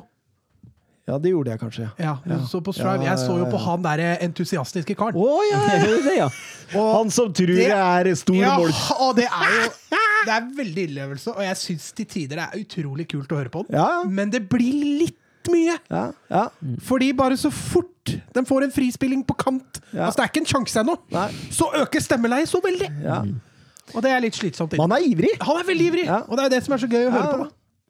da Artig. Men altså, i hvert fall, den frispillinga på kant, den Det var det jeg skulle fram til. Han gjør den kampen mye mer spennende enn det den egentlig var! Det er han som er kampen! Han er kampen! Åh, det er deilig! Det er deilig skryt til Strive-kommentatorer som vi har vært litt kritisk til enkelte ganger. Ja, men uh, den frispillinga på kamp de fikk de jo del, eh, til en del ganger òg, men så som sagt det stoppa opp hos Sola At de ikke setter inn en person som, eller en spiller som skaper litt mer der, eller begynner å vende ut mot den andre sida. Det skjønner jeg ingenting av. Så upresise pasninger og innlegg som han slo. Altså, han hadde jo endt opp med en pasningsprosent på over 90 til slutt, men ikke i siste tredjedel. Jeg tror han fikk ett innlegg til Hvem til snakker om nå, Sola? Odriozola? Odriozola. Jeg syns det var fryktelig. men eh, Søren, eh, på vei eh, inn til studio i dag, så Ja. satt jeg i bilen, kosa meg og hørte på podkasten Real Madrid på 21 minutter, og der skrøt de hemningsløst av Jo, det er det, ja. Jeg kan jo hende at jeg er litt kritisk, da. Men uh, jeg syns ikke han spilte en god kamp mot eh, Villarreal i det hele tatt. Jeg Nei, men han er, han er jo god defensivt i den kampen der, men det er Jo. kanskje fordi han blir spilt Altså, Løpsdueller mot Bakka vinner han jo ti av ti Ja, ganger. så Ja, men du den tidlige løpsduellen Ja. mellom Militao og Bakka? hvis hvis du ser hvor mye rom han får Ascencio trekker jo, trekker jo hele tida, trekker jo hele tida uh, Pedro Esa inn sentralt i banen, og hele korridoren er jo åpen for Odriozola, og så får han så lite ut av det. Jeg syns det er svakt. Med tanke på hvor mange vendinger han får opp, ut mot seg. Også. Og så ser du hvor altså, Det hadde jo sikkert ikke noe med Odriozola å gjøre, men frispillinga til Villarreal foregikk nesten alltid på venstre. Ja. Det var tydelig at det var der de hadde stemt seg for at vi skal spille oss ut, via vår venstre side. Trigeros og Trigeros var nok en viktig bidragsyter, helt klart. Eh, Men det var et fokus de nok hadde hatt før matchen, tror jeg. Men eh, uten at det blir de helt store sjansene, så er det jo Via Real som tar ledelsen i 1-0 etter 19 minutter der ved Jeremy Pino. Eh, Ja, Militao med en forferdelig klarering. ja, det kan du trygt si. Eh, katastrofe for Moreno med en fin lobb, og så har Pinho eh, Jeg vil si at han er 50-50 heldig og Å, dyktig. er den meninga? Ja, jeg er vet den meninga? Jeg veit ikke helt. Det, det får jeg si Han prøver jo å nå 50-50. ballen, Ja. men Ja. om touchen er på vei inn der, om det skal være meninga, det, Det er jo helt silkemykt og deilig, Ja. i hvert fall. Det jeg, legger meg på 50-50, ja. Eh, og setter han da fint i mål. Og dermed er eh, Jeremy Pino på 18 år og 214 dager den yngste målskåreren mot Real Madrid i La Liga eh, etter årtusenskiftet. Ja. Det er ganske, ganske fint. Um, altså Og det skjedde på et tidspunkt hvor Valladolid akkurat hadde tatt ledelsen. Og så ser du via Real da, og Emery justerer. Ja, justerer dem ned presset. De skal, de skal jobbe Real Madrid fram i banen, og så skal de eh, ut på kant og, og inn i eh, bakrom. Og da lå de fram til det 87. minutt til utligning. Ja, Modric hadde jo en halvsjanse, kan vi vel kanskje si. Eh, Da tok det jo helt av må han komme ut av. Så ja. Ja, og Casemiro har vel en han Han får jo en ganske fri heading ja etter corner. Svak markeringsspill av Viareal. Står på feil side når du markerer deg. Skal ikke gå an. Men jeg tenkte jo at eh, her må Zidane gjøre noe i pausa, for dette her holder ikke. Altså, du jager gull. Du jager gull på din egen hjemmebane. Og det liksom på en måte Og, og, og de fikk jo rapporter derfra som, og visste det at eh, Atletico Madrid hadde langt ifra kontroll på den matchen der. Og så presterer du det du gjør på banen her fra første minutt. Det er, det, jeg syns det er en skandale. Og det at det, altså, Nå syns jeg jo eh, Real Madrid kommer mye bedre ut fra startblokken her, men eh, å få ut Ascencio, få Ja. ut Venitius, gjør det så fort som bare det. Da ikke vent i så, så lenge. Jeg er helt enig. Den eneste, den eneste virkelige endringen han gjør i pausen, er at han flytter Casemiro mye lenger opp. Og skaper litt mer trøkk der. Men han tar jo ikke noen videre grep før ti minutter er spilt. Ja, Han gjør ikke det. Og så skal det bli spennende å se den nye treneren som kommer inn her. Nå er det åpenbart at Zidane har en forkjærlighet for Vinicius. Det skal bli veldig spennende å se han nye treneren og hvor mye spilletid Vinicius får. Altså det er faktisk Hadde jeg vært trener i det laget der, så er det en av de spillere jeg hadde tenkt at vet du hva, dette orker jeg ikke. Jeg orker det ikke, liksom. Jeg ville ikke klart å stått og sett på det uke inn og uke ut, og på treninger. Det er sikkert ikke noe bedre der. Nei, ja, ja, jeg kan jo da vise Der fins jo treningsspillere og kampspillere ja. som er eh, vidt forskjellige, men eh, han må jo være god på trening, tenker jeg, da, hvis, eh, hvis du har holdt ut med det der i et Ja, nå har han holdt ut med dette i tre år, da, så Jeg syns Rodrigo eh, For er å sammenligne, ja, det, det er mye bedre og mye mer sluttprodukt og mye mer klarere identitet. Da. Jeg syns han er så udefinerbar òg. men uh, hva, hva skjer etter ti minutter i annen omgang, Søren? Ja, da tar han de byttene han skulle ha tatt i pausen, Ja. som du har sagt, Thomas. Han, eh, han tar begge kantene, som eh, spilte horrible begge to, både Venicius og Ascencio, og tar inn eh, Rodrigo og Isco. Altså tar de jo ca. ti minutter til, så tar han jo tre bytter til og forandrer egentlig litt på formasjonen nå. Ja, da blir det en 4-3 Nei, 3-4-3. Ja, det blir det ish. Altså har du Ja, cirka. Eh, Flira også når Bakka ble bytta ut etter 65 der. Han var sluttkjørt, altså. Han var ferdig. det skal bli gøy å se om han spiller Europa League-finalen på onsdag. Altså. Ja, jeg tror ikke han har restituert seg til den tid. Jeg tror Alcácer kommer inn der, men eh, ja, det hadde vært litt kult òg. Bakka er jo en litt, fortsatt litt sånn uskrevet. eh, han har jo avgjort noen Europaligafinaler før. òg. Ja, ja. Og samtidig med de byttene der, han tar jo ut Adriozola for Nacho og bytter inn Marcello for Gitures, i tillegg til Diaz for Casemiro. og da skifter han jo litt òg. Da begynner Real Madrid å bygge opp via høyre og vende ut mot venstre mot Marcello. Og det syns jeg ser bitte litt bedre ut, for Marcello er litt bedre til å skape ting enn Odriozola. Absolutt, absolutt. Eh, Skal vi ta med den eh, Benzema-sjansen der, hvor, eh, hvor Rui. Rui skulle gjøre noe bakerst? Ja, helt utrolig at Benzema ikke scorer på den, egentlig. Eh, Men det er klart, dette er jo noe Real Madrid ikke klarer å skape sjøl, så de må ha hjelp. Benzema scorer på den der 100 av 100 ganger på trening, det er jeg sikker på. Men uh, i dag uh, mislyktes han. Eh, ja, eh, jeg, da, da blir det jo via Real pusha ganske bra bakover på banen, og de står sånn stramt i 4-4-2 og prøver å holde Real Madrid så langt unna målet sitt som mulig. Jeg ser Emry også er ute og liksom sier til gutta at dere må holde på ballen. Dere må prøve å holde litt på ballen, for ellers så får du jo det konstante presset, og, det var jo til tider der, Søren. Ja, det var det. Uh, altså, jeg synes jo, altså, reale. altså, De kom ikke på overganger engang i, uh, i andre omgang i det hele tatt. Eh, så nei, jeg syns jo Fram til boksen ser det ikke fullt så gærent ut. En eh, siste tredjedel og det å komme seg inn i boksen, da, da har Real Madrid en uh, nøtt å knekke, og Villarreal forsvarer seg jo godt. Det skal jo sies at uh, Salih Albiol syns jeg jo er, eh, er en klippe i forsvaret der. Ja, han er viktig, altså. Uh, Rutina hans. Ja, hvis ikke jeg husker feil, så sa han at han skulle legge opp etter denne sesongen. Tap, altså, for Villarreal. Pau Torres er jo sterkt linka nå hit og dit. Så Kan hvis, miste begge. hvis det mister, ender opp med å miste begge Men det er klart, blir det Champions League neste år, mye lettere å holde på begge, tenker jeg. For jeg, for jeg, jeg tenker jo rett og slett det at eh, eh, hvis eh, de som på en måte har litt følere utenfor Varan, da At eh, det, det går like greit å bruke halve pengesummen på Pau Torres. Ja, og så er, ligger jo han an til å ligespille stopper, han òg. Ramos ble vraka til troppen til Spania, og Pau Torres og Laporte. Det, Det er krutt, det. ligger an til å bli det stoppeparet for Spania nå, med, med en Erik Garcia i bakhånd. Så, så er ikke det så gærent for Spania, men eh, Nei, Jeg er helt enig med deg. Pau Torres blir nok en billigere spiller å kjøpe for de store klubbene der ute, så jeg tror nok Villarreal trenger mye mer Champions League for Ja. de skal beholde han. Men fire minutter før slutt, Karim Benzema, som så mange ganger før han har tatt eh, voldsomt ansvar i år. Ja, det gjør han. Han er jo han, som Mats sier, han bør ha skåra tidligere, og han er jo til tider usynlig. Eh, egentlig, han er jo egentlig usynlig i eh, store deler av eh, 80 minutter, selv om han beveger seg godt. og alt det der, Men han er der når han skal være. Klok pasning av Rodrigo, syns jeg, som eh, tilrettelegger, og nydelig avslutning av Benzema rett i krysset. Men, men, men hvis du ser på Benzema og historien hans i, i Real Madrid, og så kan du ta, kan du ta en nyere tid, da når Bale og Ronaldo eh, var på hver sin side, så skårte jo ikke Benzema så mye mål. Men det er jo der Benzema er så god. Han har så gode bevegelser. Han er så dyktig både i det med oppspill, det med å trekke ut og strekke på forsvar og sånt. og, og, og uten disse stjernene, altså når du, når du står med skomaker Andersen og han der ah, Tøflus eller noe sånt på hver sin kant, så blir det jo så mye på skuldra hans. Ja, altså, så altså, er jo også problemet du, du, Det svekker jo også spillestilen. Hva er det nå? Er det Venitius som er tøffelen? Ja, det er altså Det, det er, det. det er altså Men så er jo også problemet, du gjør jo også Benzemas spillestil svakere. Fordi i det, altså Når du har Ronaldo og Bale, da, i det Benzema forlater boksen, har du spillere som fyller opp, som kan true, har samme tilstedeværelse som han. Når Benzema ikke er i boksen, og det er ingen.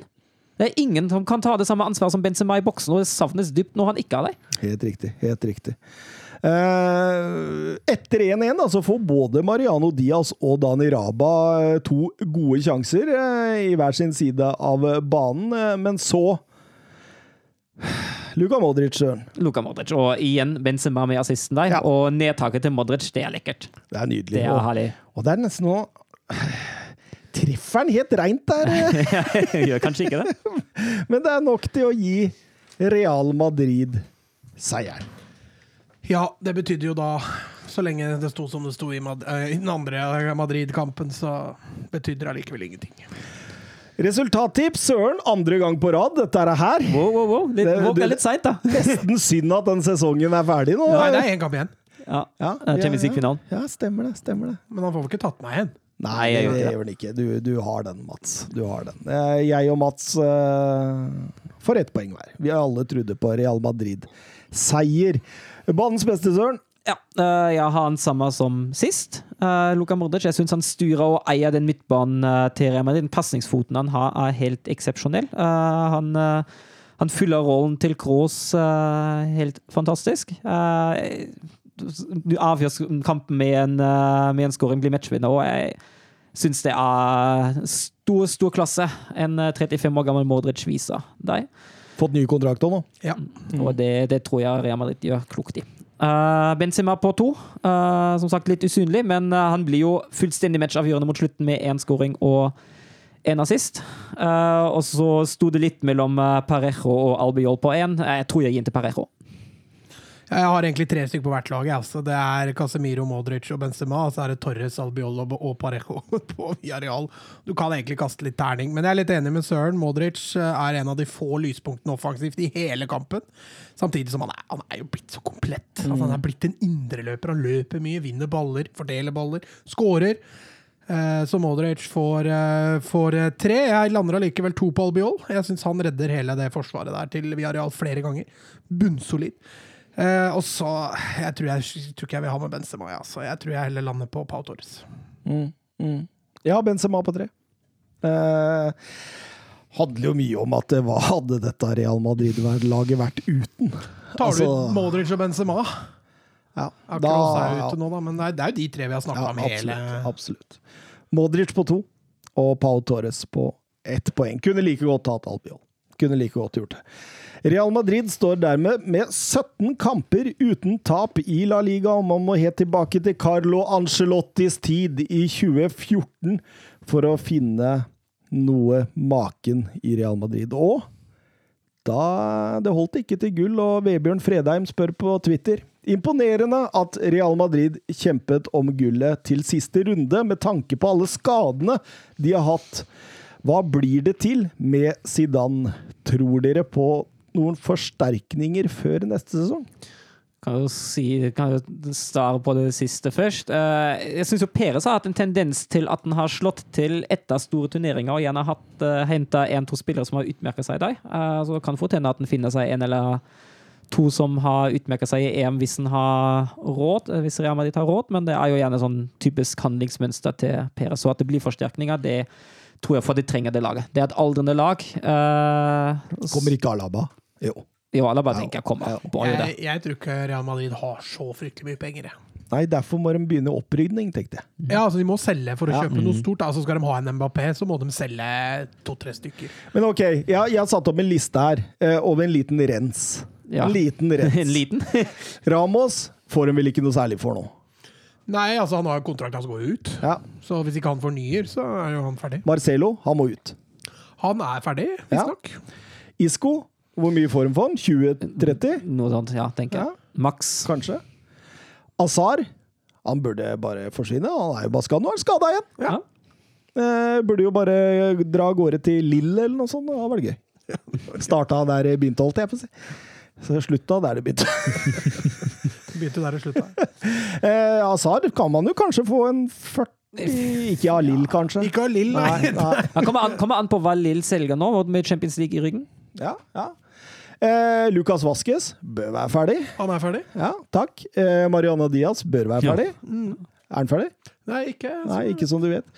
Lånespillere Bale, Jovic, Martin Ødegaard og Majoral bør vel alle også. Også Ka- Ka- Ka- Cabellos.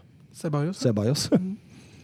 Ja, de bør være ferdige. Men, men, men her kan du jo raske sammen Ja, så penger du nok Kubo, til Kubo eh, i Ja, men eh, greit å beholde han. Ok. Ja. Kubo, vet du. Eh, for, for, for Perez han har jo vært ganske langt ute og sagt det at eh, vi sliter litt økonomisk. Ja, jeg, altså, de sliter jo ikke i den grad Barcelona gjør. Nei. De er ikke der, men jeg tror ikke de har råd til å gjøre noen gode inngrep der uten å gjøre noen utgrep. Nei, jeg skjønner. på den Ja. måten. Eh, og spillere de kan satse videre på, altså Casemiro, Benzema, Modric og Kroos, dem har vi vært enige om lenge. Ramos mener jeg de bør få signert. Mm. Ikke nødvendigvis fordi han er en så utro, for han er en utrolig god fotballspiller, det er ikke det, men litt det der hva han bringer til bordet da i kamp. eh, Vinnerskallen han er, eh, lederen han er. Det er vel dette med kontraktslengden som er Ja. tvisten der. Ja. Og så Eder Militao syns jeg har vist seg å være bra som Mm. stopper. At dette er noe de kan satse videre på.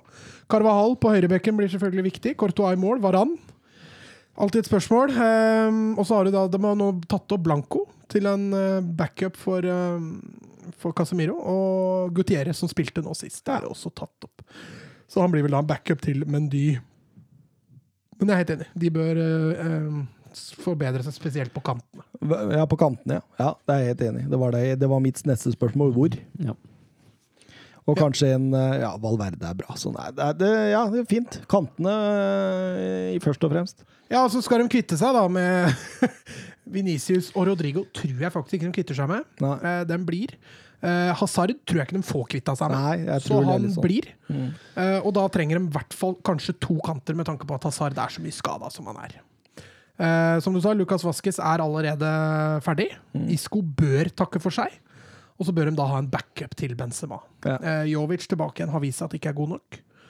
Eh, og da er det jo det litt sånn evige Tottenham, eh. Hvem skal være backup for en som er så åpenbart nummer én, da? Kanskje det det blir Harry Kane. Ja, Ka- Carlos Venitius er vel kanskje ledig. Eh, så vi får se. Men, men en klasse kantspiller må de i hvert fall få inn, mener jeg. Så lenge Modric og Kroos er bra som de er, så har de Valverde bakhånd, så indreløperen er safe. Stoppera med Varan og Ramos og Militao viser seg å være bra. Nacho er jo en potet bak der, kan spille overalt, som får skadeproblemene til Carvahall i orden. Og Mendy er bra. Corto er bra. Nei, det er en kantspiller eller to i klasse. Hva blir det til med Zidane, spør han også. Nei, jeg tror han er ferdig. Altså, Jeg veit ikke, altså Det har vært så kraftige rykter på Ja, at han er ja. ferdig. da. det, det det, virker jo nesten sånn. Ja, det virker litt sånn. Og det virker jo nesten som at Allegri liksom på en måte blir erstatteren. Sånn ut ifra hva, hva det står i media, og hva Legri sjøl har sagt. Eh, eh, den franske avisa L'Equipe spurte Benzema eh, hva som skjer med Zidane, og da sier Benzema Han er jo vår Real Madrid-trener. Har dere ikke sett det, da? Han eh, vil ikke dra. Eh, det vil dere se, tro meg. Hvis han går, så går han. Men jeg klarer ikke å se en Real Madrid uten Zidane, sier han. Eh, Zidane nekter å kommentere noe som helst. Venter han på den åpne jobben som kan komme i Juventus? Godt spørsmål. Eh, jeg, tror, eh, jeg tror han går fra Real Madrid for, på grunn av ryktene, altså. Ikke fordi jeg har noe annet å gå på. Altså, Real Madrid, da. Troféløst år. Ikke ett trofé vant Real Madrid i år. Og det, det Altså, Hvem som helst annen trener som ikke heter Zinedine Zidane, ville fått sparken. Ja. Altså, det er sånn, litt sånn det samme som med Glasen i Wolfsburg. Da. Altså, det er egentlig ganske tydelig at den går, men han vil ikke bevege seg først. Wolfsburg vil ikke bevege seg først, for da, det handler om penger. Hvis Glasen nå sier 'jeg går, jeg trekker meg', så er Wolfsburg OK, ja, greit, ha det. Hvis Glasen nå, nå fortsetter med det der, spar og Wolfsburg sier vi sparker da får han jo penger. Det kan hende at det spiller en rolle for Zidane. om jeg- Selv om det Det ikke går an å prate sammen Ja, og si at du vet hva, her møtes vi på midten. Det gjør jo det. Det har jo vært det letteste. Og Glasner også har tatt troféløst står i Wolfsburg. Og hvem som helst andre enn Glasner ville jo fått sparken. Nei, jeg er lei meg for at Glasner går, ja. Eh, Med de ordene setter vi over til Real Valladolid mot Atletico Madrid. Og det var et Atletico Madrid som hadde toppa La Liga i fem måneder nå, og kunne det ryke på sesongens siste dag? Det var det man lurte litt på. Ja, og det så jo nesten sånn ut etter litt over et kvarter der. Altså, De gikk jo litt offensivt ut, da, Atletico. Det var litt sånn uh... Ja, men samtidig litt høye skuldre. Ja, men, det, men du ser altså Det første målet til Valladolid da, Det er så utypisk Atletico blir tatt sånn i ubalanse. Nydelig av Tony Villa der som hælsparker. eh. Ja, ja, og Scaplano, den avslutninga han har forbi opplagt der òg, det, er- det er klasse kontring. Absolutt. Og så har jo Valladolid også lagt seg en god plan mot uh, Atletico Madrids venstreside. Står der med, med tre spillere, med Marahao, Os, Oskai, Osai og Janko, og stenger av den. Tvinger, tvinger Atletico ut på høyre. Og det, det merkes at uh, Carasco ikke er så god i kampen som han var i sist. Jeg syns Carasco falt litt igjennom nå, ja. Eh, absolutt. Eh, Du ser at eh, eh, når han får rom, så er han jo helt strålende. Ja, men jeg får ikke rom. Men når han ikke får rom, så blir han litt sånn ah, Det ser nesten ut som han går litt lei. Eh, og dette er ikke kampen å gå lei, men, men, men samtidig eh, syns jo eh, Diego Simione må jo si et eller annet i pausa, for det er jo et bedre Atletico Madrid som kommer ut i annen omgang. Utvilsomt. Og det var litt sånn Jeg veit ikke om du skal kjefte på spillerne dine i den situasjonen, men, men det virker som de har hvert fall fått klarere instrukser på at nå må dette og dette skje. Ja. Ja, og særlig, særlig Jorente blir jo mye høyere i banen. og jeg tror, Simi, altså, tror Simione har skjønt at via venstre er det litt stengt i dag. og Han bruker jo både Korea og Jorente til å angripe det høyre halvrommet mellom eh, Trippier og Suárez høyt. Absolutt. Og, og det Angel Korea gjør på 1-1, er jo Det er en grunn til at Felix faktisk har sittet litt på Ja, benken, ja. fordi han har gjort det der på trening. Sikkert. Ja, det er strålende gjort. Det er helt fantastisk. Og det tuppen fra 16 meter der og ned i hjørnet, det er jo helt strøken. Tuppen. Tuppen. Eh, ja, men, eh, men det kunne stått 2-1 der når, når det godeste Olasa klemmer til, og Oblak gir en eh, sjelden svak retur. Mm. Weissmann der som header over omtrent fra åpen kasse. Ja, den, må, stor, altså. den må han sette, syns jeg. Den må i mål, altså. Jeg tror han sov dårlig Ja. da påfølgende natt. Altså. Fordi Sergi Guardiola da gjør bare et par minutter etterpå der, og forærer Surares aleine med keeper. Det hadde jo antageligvis ikke skjedd hvis Valladolid ikke måtte stå høyere. Absolutt ikke. Og det, det gjorde jo det at eh, Valladolid rykka ned. Atletico Madrid de, eh, er jo gode i disse situasjonene og safa inn. De følte ikke at de trengte å underholde så veldig mye utover da. Nei, så Nei. stå i en dyp 5-3-1-1 og la, la Valladolid komme. Og det kommer jo nesten ikke noen sjanser til Valladolid. Men jeg tror også Atletico utover i den kampen reddes veldig. Altså på stillinga 1-1. Ja. Reddes veldig av at Valladolid må fram. Ja, de må ha De tre poeng. må ha tre poeng, for Valladolid, som allerede hadde vært safe her, sånn, ville safa mye større grad enn det, enn det de gjør. Og det, det er klart, den, øh, den øh, støttepasningen til Guardiola der til Suárez, den er grusom. Mm. Men øh, når Atletico kan ligge og forsvare seg, så blir det jo Ja, jeg flirer av Diego Simione òg. Var det mer enn to mann framover i banen over midten, så vinka han dem hjem igjen. Og det, det, det var Men det holdt. Gullet blei sikret som i 2014, og enorme kontraster når dommeren blåser av, av kampen, Ja. hvor det ene laget jubler hemningsløst, og det andre er i fullstendige tårer. Ja, det var litt spesielt å se, faktisk. Mm, absolutt. Altså, For all del, jeg gleda meg på vegne av Atletico Madrid, ja, men det er vanskelig når du ser det ene laget har rykka ned, og du ser jo det at for noen betydde det jo enormt mye når de rykker ned der. Altså negativt. Ja, absolutt. Diego Simione, mestvinnende Atletico Madrid-trener. Åtte titler. To La Liga, to Europa League, to Supercup eh, i Europa. Én Copa del Rey og én spansk supercup. Og Didrik Tofte Nilsen spør eh, hvor rangerer man Simione? Eh, Med Klopp, Guardiola og Flick, eller på hylla under? Jeg syns Guardiola er en soleklar ener. Er Så han, han er på hylla over de ja, jeg, igjen? jeg, jeg, jeg syns nesten det. Er kanskje litt fanboy, altså. Men uh, jeg har så ekstremt sans for Guardiola. Jeg har så ekstremt sans for hvordan han uh, alltid prøver å finne nye løsninger. Hvordan, hvordan han alltid videreutvikler seg. Hvordan han går med spillet hele tida og preger spillet med sine taktiske valg på den måten han gjør. Uh, jeg syns Guardiola er den soleklart beste treneren i verden. Men at Simione er en absolutt topptrener, det mener jeg definitivt. Ja, jeg er litt enig med deg. Vi kan dytte Guardiola vekk fra den hylla han akkurat nevnte, og på neste hylle igjen. Så da Og da er Simione sammen. på hylla under. Fordi, fordi altså, Det som gjør det så sterkt, det Simione har gjort, det er det han har bygd. ikke sant? Det er den biten som er så imponerende. At han har fått det laget altså kunne du, du kunne jo sagt ja, dytt Klopp eller Guardiola ned til Atletico, så ville jo ikke dem greie det samme. Nei. Men greia der er jo det at dette laget er jo noe Simione har bygd. Det er samme som det laget Klopp har bygd i Liverpool. Um, så det er en kjempekudos til Simione, det laget, og, Og den all- kulturen han har greid å bygge. da. Og alltid litt sånn selgende, ikke sant. Falcao, Torres, eh, eh, Grismann. Alltid én spiller som liksom går hver eneste gang.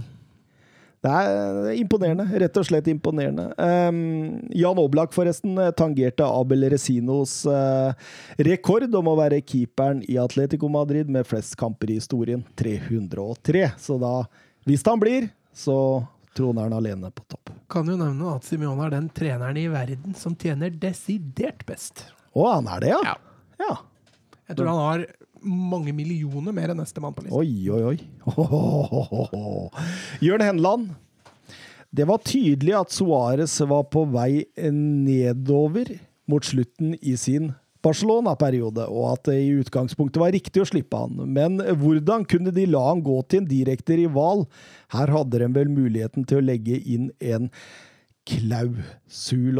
Jeg føler du er egentlig god på å svare på sånne spørsmål, Matt, for du kjenner jo litt på kroppen at, at Altså, Ja, jeg- altså 7 millioner euro, 32 kamper, 21 mål, 3 assist. Direkte avgjørende i 21 av Atletico Madrids poeng, Mats. Ja, altså, det betyr ett poeng per mål.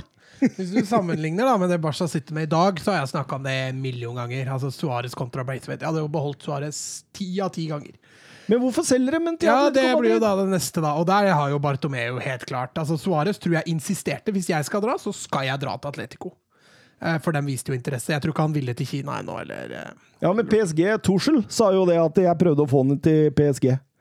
Uh, Juventus var på banen, Inter Miami var på Ja, det var banen. flere som var på banen. Like seg i Spania, tenker jeg. Jeg tror også det at han ikke ville flytte så langt. Ja. Og Atletico var eh, avtalen. Eller var dit han ville dra, hvis han skulle dra.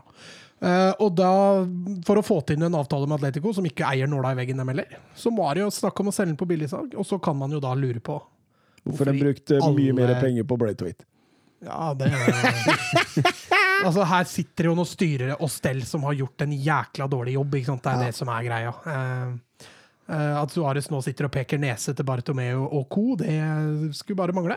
Uh, og så får Barca takke seg sjøl for at de har gjort en så ekstremt slett jobb når det gjelder spillelogistikk. Men, men, men tror du eh, Det var da Bartomeu da, men tror du han undervurderte Atletico Madrid? Altså fordi Sesongen før så var de hele 12 poeng bak Barcelona. De var 17 poeng bak Real Madrid. Og det var jo en spiller som Jørn eh, sier her, som var litt på vei ned. Han var vel også litt sånn skada mot slutten der, var han ikke det? Jo, han fikk noen eh, lengre skadeavbrekk. Eh, eh, Så sånn sett kan man jo kanskje si Men jeg, jeg også mener jo Suárez burde vært don i Barcelona. Men å selge han til en rival er jo klønete. Det er jo der feilen ligger. Eh, Men det er klart Barca var jo i enorm altså Den var jo eneste Bartomeo de tenkte på i fjor sommer, var jo å dekke sin egen rygg. Hvis han blir valgt ut av styret, så står han ansvarlig for gjelda han har opparbeida. Og derfor solgte man mye spillere på billigsalg. Få ned lønningene, få inn litt cash. Og det var nok grunnen til at han ble solgt billig til en konkurrent. Deilig, søren. Deilig. Det er, det, det er sånne historier som er Ja, det, er deilige. jo, det, det er jo det som fotballen er. Det er jo gøy. Så du han satt på gressmatbanen Ja. der og snakka med Messi, eller hva han gjorde, og, og grein ja. sine store tårer? For det var, det var jo litt sånn Han blei jo dytta ut. Ja, han ble det. Utvilsomt. Gratulerer, Atletico Madrid. Skal vi, er lov å si det? Jeg er lov å si gratulerer Atletico. Imponerende. Eh, Sevilla Alaves, så nå var vi ferdig med den. Ja. Eh, Papa Gomez 1-0 90 pluss 2. Det var egentlig det meste som skjedde. Eh, ingenting i første omgang. Her står vi begge lag med en eh, expected goals på 0,11. Og det oppsummerer det hele ganske godt. Så Alaves har jo noen muligheter utover i andre. Egentlig det beste laget. De har en i stanga der. Ja. Den, er, den er feit. Eh, Sevilla har tatt ferie. Altså, de spiller ikke om noen ting. Det morsomste i den kampen det var målfeiringa til Pape Gomez, som fikk med seg hele laget på en sånn såkalt eh, Fortnite-floss. Og det var utrolig morsomt å se ansiktsuttrykkene på de forskjellige, fordi du hadde de som var litt usikre. Det var de, det var de som prøvde, men ikke fikk det til i det hele tatt. Det var noen som satte opp en sånn skikkelig dans, inkludert Pape Gomez, med en sånn der fårete glis som bare Det så bare helt merkelig ut. Og så hadde du de Jong, som bare gikk og og klappa han litt på skulderen og, og glisa. det, var, det, var, det var morsomt. Ta Se den igjen. Nei, du ler, altså. Ja, ja, jeg har sett Det var, det var funny. Uh, Men fin scoring. Ja. Og Sevilla fikk 77 poeng og en fjerdeplass, og de har aldri hatt større poengsum i La Liga. Ja. Stemmer. Vi går over til uh, tysk fotball, til eh, Die Mannschaft, holdt jeg på å si. Det er Nei, det ikke, men eh, det, det blir seinere i år. Men uh, Bayern München mot uh, Augsburg. Ja, og om det ikke var et lag som hadde noe å spille for deg, for Augsburg var redde og Bayern hadde vunnet serien, var det en spiller som hadde noe å spille for. Og det var jo Robert Lewandowski. Klarte han å ta rekorden helt alene? Klarte han å overgå Gert eh, 40 mål? Og det var spørsmålet, og hele laget prøvde jo desperat å gi ham mål. Og så er det veldig morsomt å se at mot et passivt og dårlig Augsburg i første omgang renner skåringene inn. Bayern leder 4-0 til pausen, og Lewandowski har ingen av de. Men han har en god del sjanser. Ja, han har det. Det er ikke fordi han ikke har muligheter. Og du ser han begynner å le til slutt. Ja. Fordi det- er liksom nesten litt sånn komisk at det måtte det stoppe her. Er det noe høyere makter? Fordi han, han kunne jo skåret nærmere 50. Ja, han kunne det. I hvert fall i, den kampen kunne han få hat trick og vel så det, altså. Ja, ja, det, var Eh, helt, det var jo total overkjøring. ja, og hans eh, landsmann eh, Gikiewicz i mål, han eh, spilte en stor kamp fram til det 90. minutt. Det gikk noen meldinger dem imellom i løpet av kampen. Nei, altså. det det. Men det var også en annen i Bayern München som hadde noe å spille for. Vet Ja. du hvem jeg tenker på? da? Hvem tenker du på? Da tenker jeg på Manuel Neuer. Ja, du tenker på, tenker på å holde nullen? Ja, for eh, Manuel Neuer han kunne ta Oliver Kahn sin rekord Ja. på flest uh, uh, smulteringer i eh, Bundesliga. Ja. Men det gikk dårlig. Det gikk Nei, det- også svært dårlig, eh, kontra etter hvert Lewandowski. 250 eh, Ja, smultringer. Kommer til å ta eh, neste sesong, da. Ja. Det kommer han jo til å gjøre. Og skal jo sies at Augsburg har jo Han skal gå til Lill. Han skal komplettere det. Han skal ta over plassen til Magnan. Anders. Augsburg har jo det straffesparket i, uh, i første omgang, uh, da når jeg redda mot Kaligiri. Uh, vi gjør jo sitt for å men i andre, Augsburg våkner litt i andre omgang. Bayern bytter inn, uh, bytter litt. Og det, er, det er litt sånn sommerfotball over det hele mot slutten. Ja, det er litt sånn eh, kompisklubb. Nå Ja. takker vi av. Vi takker Ja. av Alaba der til stående jubel og Boateng. så, men så du forskjell mellom Alaba og Boateng? Boateng som uh, grein hemningsløs og så at han egentlig ikke ville Ja. gå. Alaba som var egentlig virkelig liksom ferdig med Bayern nå. Så ja, det var en fin tid, men nå, nå er det greit. Nå Ja. er det slutt. Eh, Boateng, hvor går han? Det spørs. Det ryktes at Dortmund er interesserte. Ja, selvfølgelig. Hummels og Boateng. men eh, ja, det står 4-2 der, men så kommer jo da kampens høydepunkt. Robert Lewandowski, han tar rekorden, han søren. Ja, han gjør det. Og det er et langskudd fra Leroy Sané. Og den ene litt dårlige involvering som Gikiewicz har. Han gir i tur på det langskuddet, og Lewandowski snapper det opp, runder Gikiewicz og setter den i mål, og så blir det Feiring han tar av seg drakta uten å få gult kort pga. rekorden. Helt greit. Og ja, det er stort øyeblikk for ham. Ja, det, det er jo helt enormt. 41 mål, Mats. Er det et stort øyeblikk sånn generelt i Tyskland? Ja. Altså, Altså folk, er, folk så- generelt er fornøyd med det? jeg så mot slutten så jeg jo, jeg så jo jeg så live på Wolfsburg. Eh, Den var jo eh, ferdig og grei. Eh, Og så så jeg på simulkasten, simulkasten da, fra Tyskland. Og da, Det var midt i nedrykksstriden. I de mest spennende sekundene så skrek eh, han, eh, han som satt i München, skrek gjennom alle kanaler at eh, nå er det scoring, og nå må vi over. og ja. Det er et vakkert øyeblikk. Ja. Jeg kan tenke meg sånn i Norge, da, hvis noen slår Odd Iversen sin rekord. Jeg tror ikke det Nei. Nei, men greia med, greia med den Müller-rekorden det er jo- Jeg er oppvokst med som fotballsupporter, den Müller-rekorden den står der uslåelig. Du, når én spiss har en god start på en sesong, skårer litt flere mål enn de har spilt kamper, og står med at de er, ti mål etter fem, seks, sju kamper, så begynner man jo å spekulere. Oi, kan gå, kan gå, kan gå. Og så sier man ja, ja selvfølgelig går den ikke. Det går jo aldri. Og det var egentlig en rekord man trodde var, Det var veldig forankret at man trodde den skulle stå til evig tid, og nå blir den, eh, blir den tatt, og det er ekstremt stort. Det var fantastiske Og- scener. Det var Ja, ja, kult å se på. Ja. Og det er jo, det er jo det er en rekord som har stått i nesten 50 år. Og da tar det vel og veld- 50 år Veldig fortjent hvis det var noen som skulle ta den. Liksom. Ja, ja, Eh, At det var Lewandowski, som også er en virker som en ålreit type. da. Ja, var veldig, det har jeg et veldig godt inntrykk av ham òg, ja. Veldig profesjonell og veldig, veldig trivelig kar. Suverene Bayern München. 71 kamper i Bundesliga på rad ved å ha skåret i hvert fall ett mål. Og sist de ikke skårte i Bundesliga, var mot RB Leipzig 9. februar 2020. Ja, den hadde vi som hovedkamp til nå. Flick fikk 86 kamper. 7, nei, 17 seire. 8 uavgjort, 8 tap. Det er enorme resultater. 17, hvor mange seire? 70. 70, ja. ja. Ja, det er, det er sterkt. Det er ekstremt Det sterkt. er sterkt, altså. Det er store tall. Og nå ble han bekrefta klar for Die Mannschaft også. Ja. nå blir det. Tar over etter Yogi Løv, som drar til Wolfsburg. Helt stikke. Men uh, frykter at Wolfsburg- kan, vi kan komme dit når vi er på Wolfsburg. Det er greit. Vi tar det videre.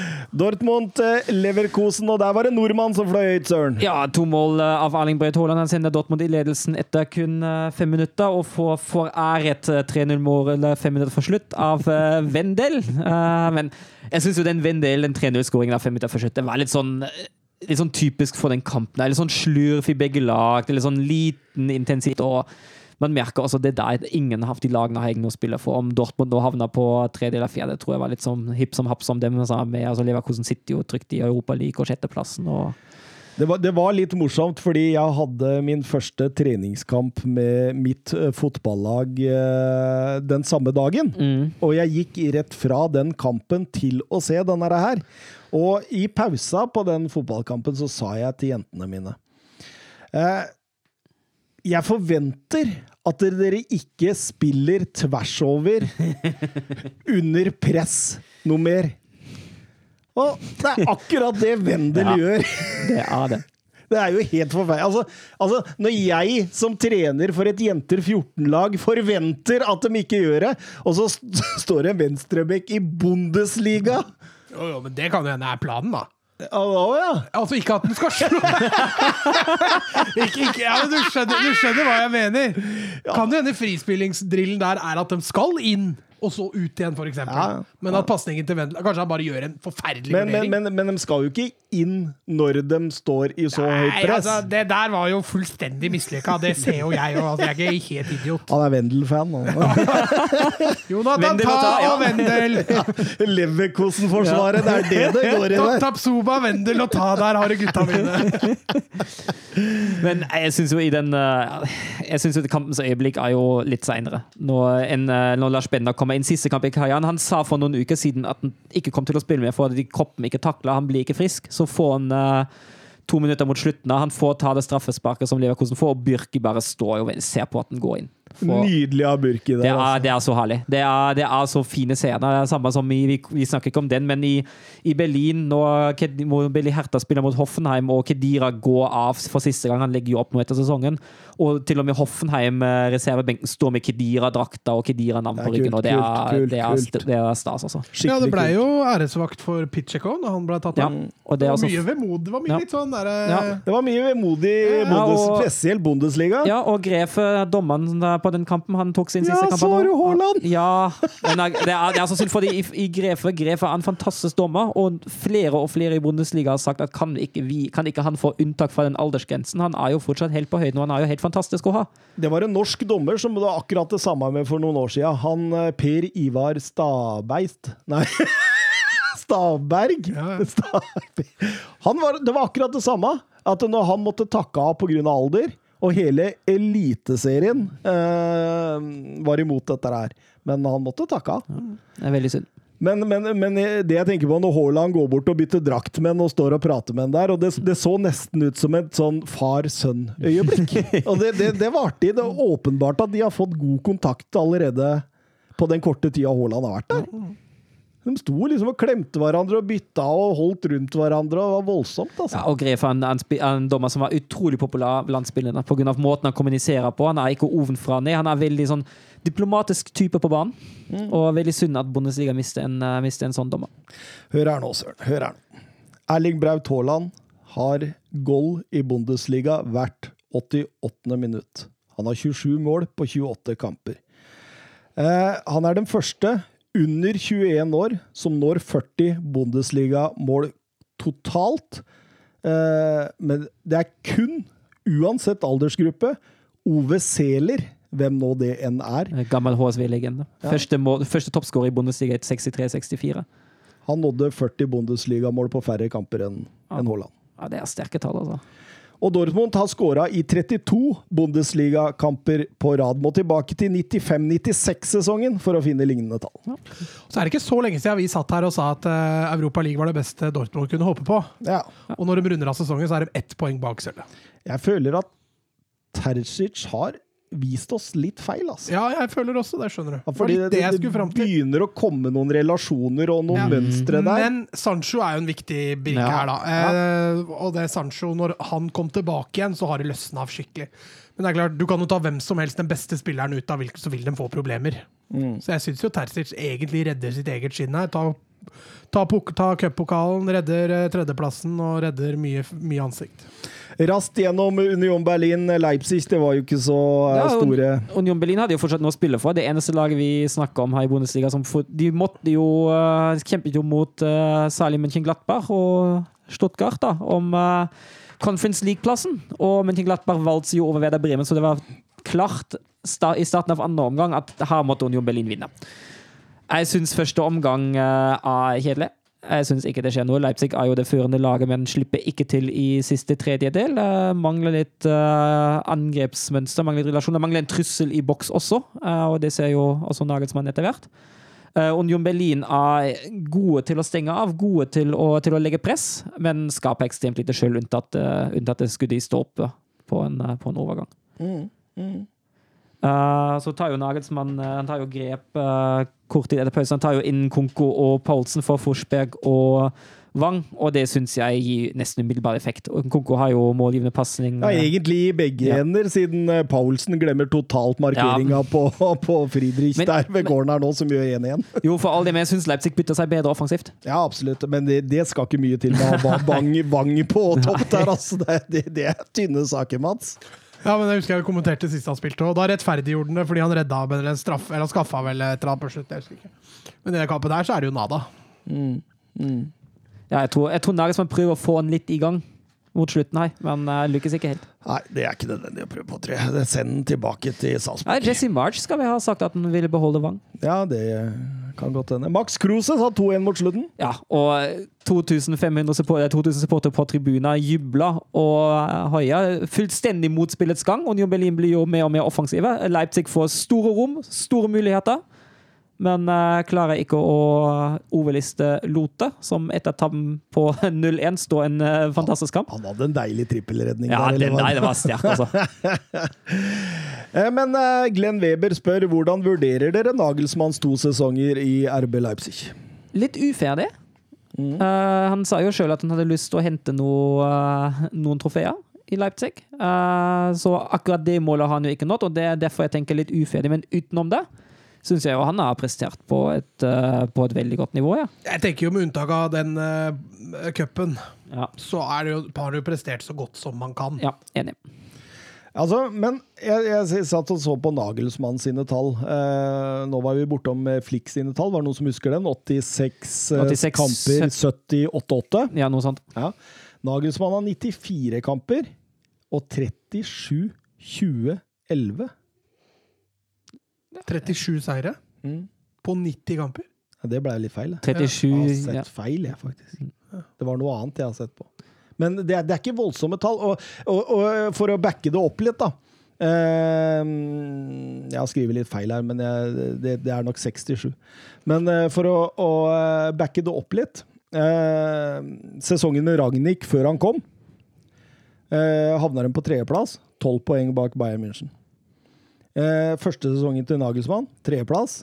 Eh, 16 poeng bak Bayern München. Eh, sesongen i år, andreplass. 13 poeng bak Bayern München. Så det er liksom det også, selv om han har gjort det bra, det å ta igjen det der Bayern München-gapet, det har han ikke klart. Nei, og nå har jo Bayern München gjort det mest effektive. De har henta Nagelsmann og Pamecano, og så Ja, da detter det ned igjen til Om 20. Oppo Americano er det mest effektive, det gjenstår å se, men eh, ja, jeg ser hva du sier. Eh, Så nå er jo det forspranget der 20 poeng ratt igjen. Men det er klart, det Leipzig driver med, og bygger med unggutter, henter de spillerne de gjør altså Jeg syns det er spennende, det Leipzig driver med. Altså. Får dem på plass nå en dyktig trener til å ta det der videre. Ja, March, da. Husker du det vi sa om Chelsea?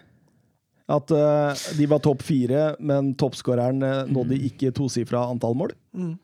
Vet du hvem som er toppskåreren i Leipzig denne Bundesliga-sesongen? Det er vel Paulsen, eller noe sånt? Ikke si Sørloth, da. Etter Sørloth med fem? Sørloth har fem. Sabitzer. Åtte. Ja, nettopp. Men det er jo, men det er jo litt det, altså jeg tenker jo fortsatt at 13 poeng bak Bayern München når du har mista din, uh, din toppskårer som har stått for mange, mange mål. Og, eg- og så har jo egentlig ikke erstatta han på, på samme måte. Men du har klart å fange det her opp med, i fellesskapet. Det er jo en god prestasjon, det òg. Det var vel Wang som skulle ha starten? Nei, men han henta jo Sørloth òg. Da tenkte vi at han må spille litt annerledes. Men Sørloth har han ikke greid å få til. altså. Nei, han stoppa litt opp igjen etter en god sånn midtveis i sesongen der. Eh, Søren, du skal få snakke litt Wolfsburg-Mainz, du. Ja, det går jo ganske fort. Eh, Mainz er veldig direkte. Jeg syns Mainz, eh, Mainz spiller en eh, ganske god kamp. Wolfsburg har jo eh, sikkert sånn 70 eh, possession eller noe sånt, men klarer egentlig ikke helt å skape det helt store, unntatt den store Vechos-sjansen etter Babos innlegg på ti minutter. Eh, og Mainz har de største sjanser i første omgang. Ta en eh, fortjent ledelse, og så bølger litt mer fram og tilbake etter pausen. Eh, to fine mål som Wolfsburg skåra for all del.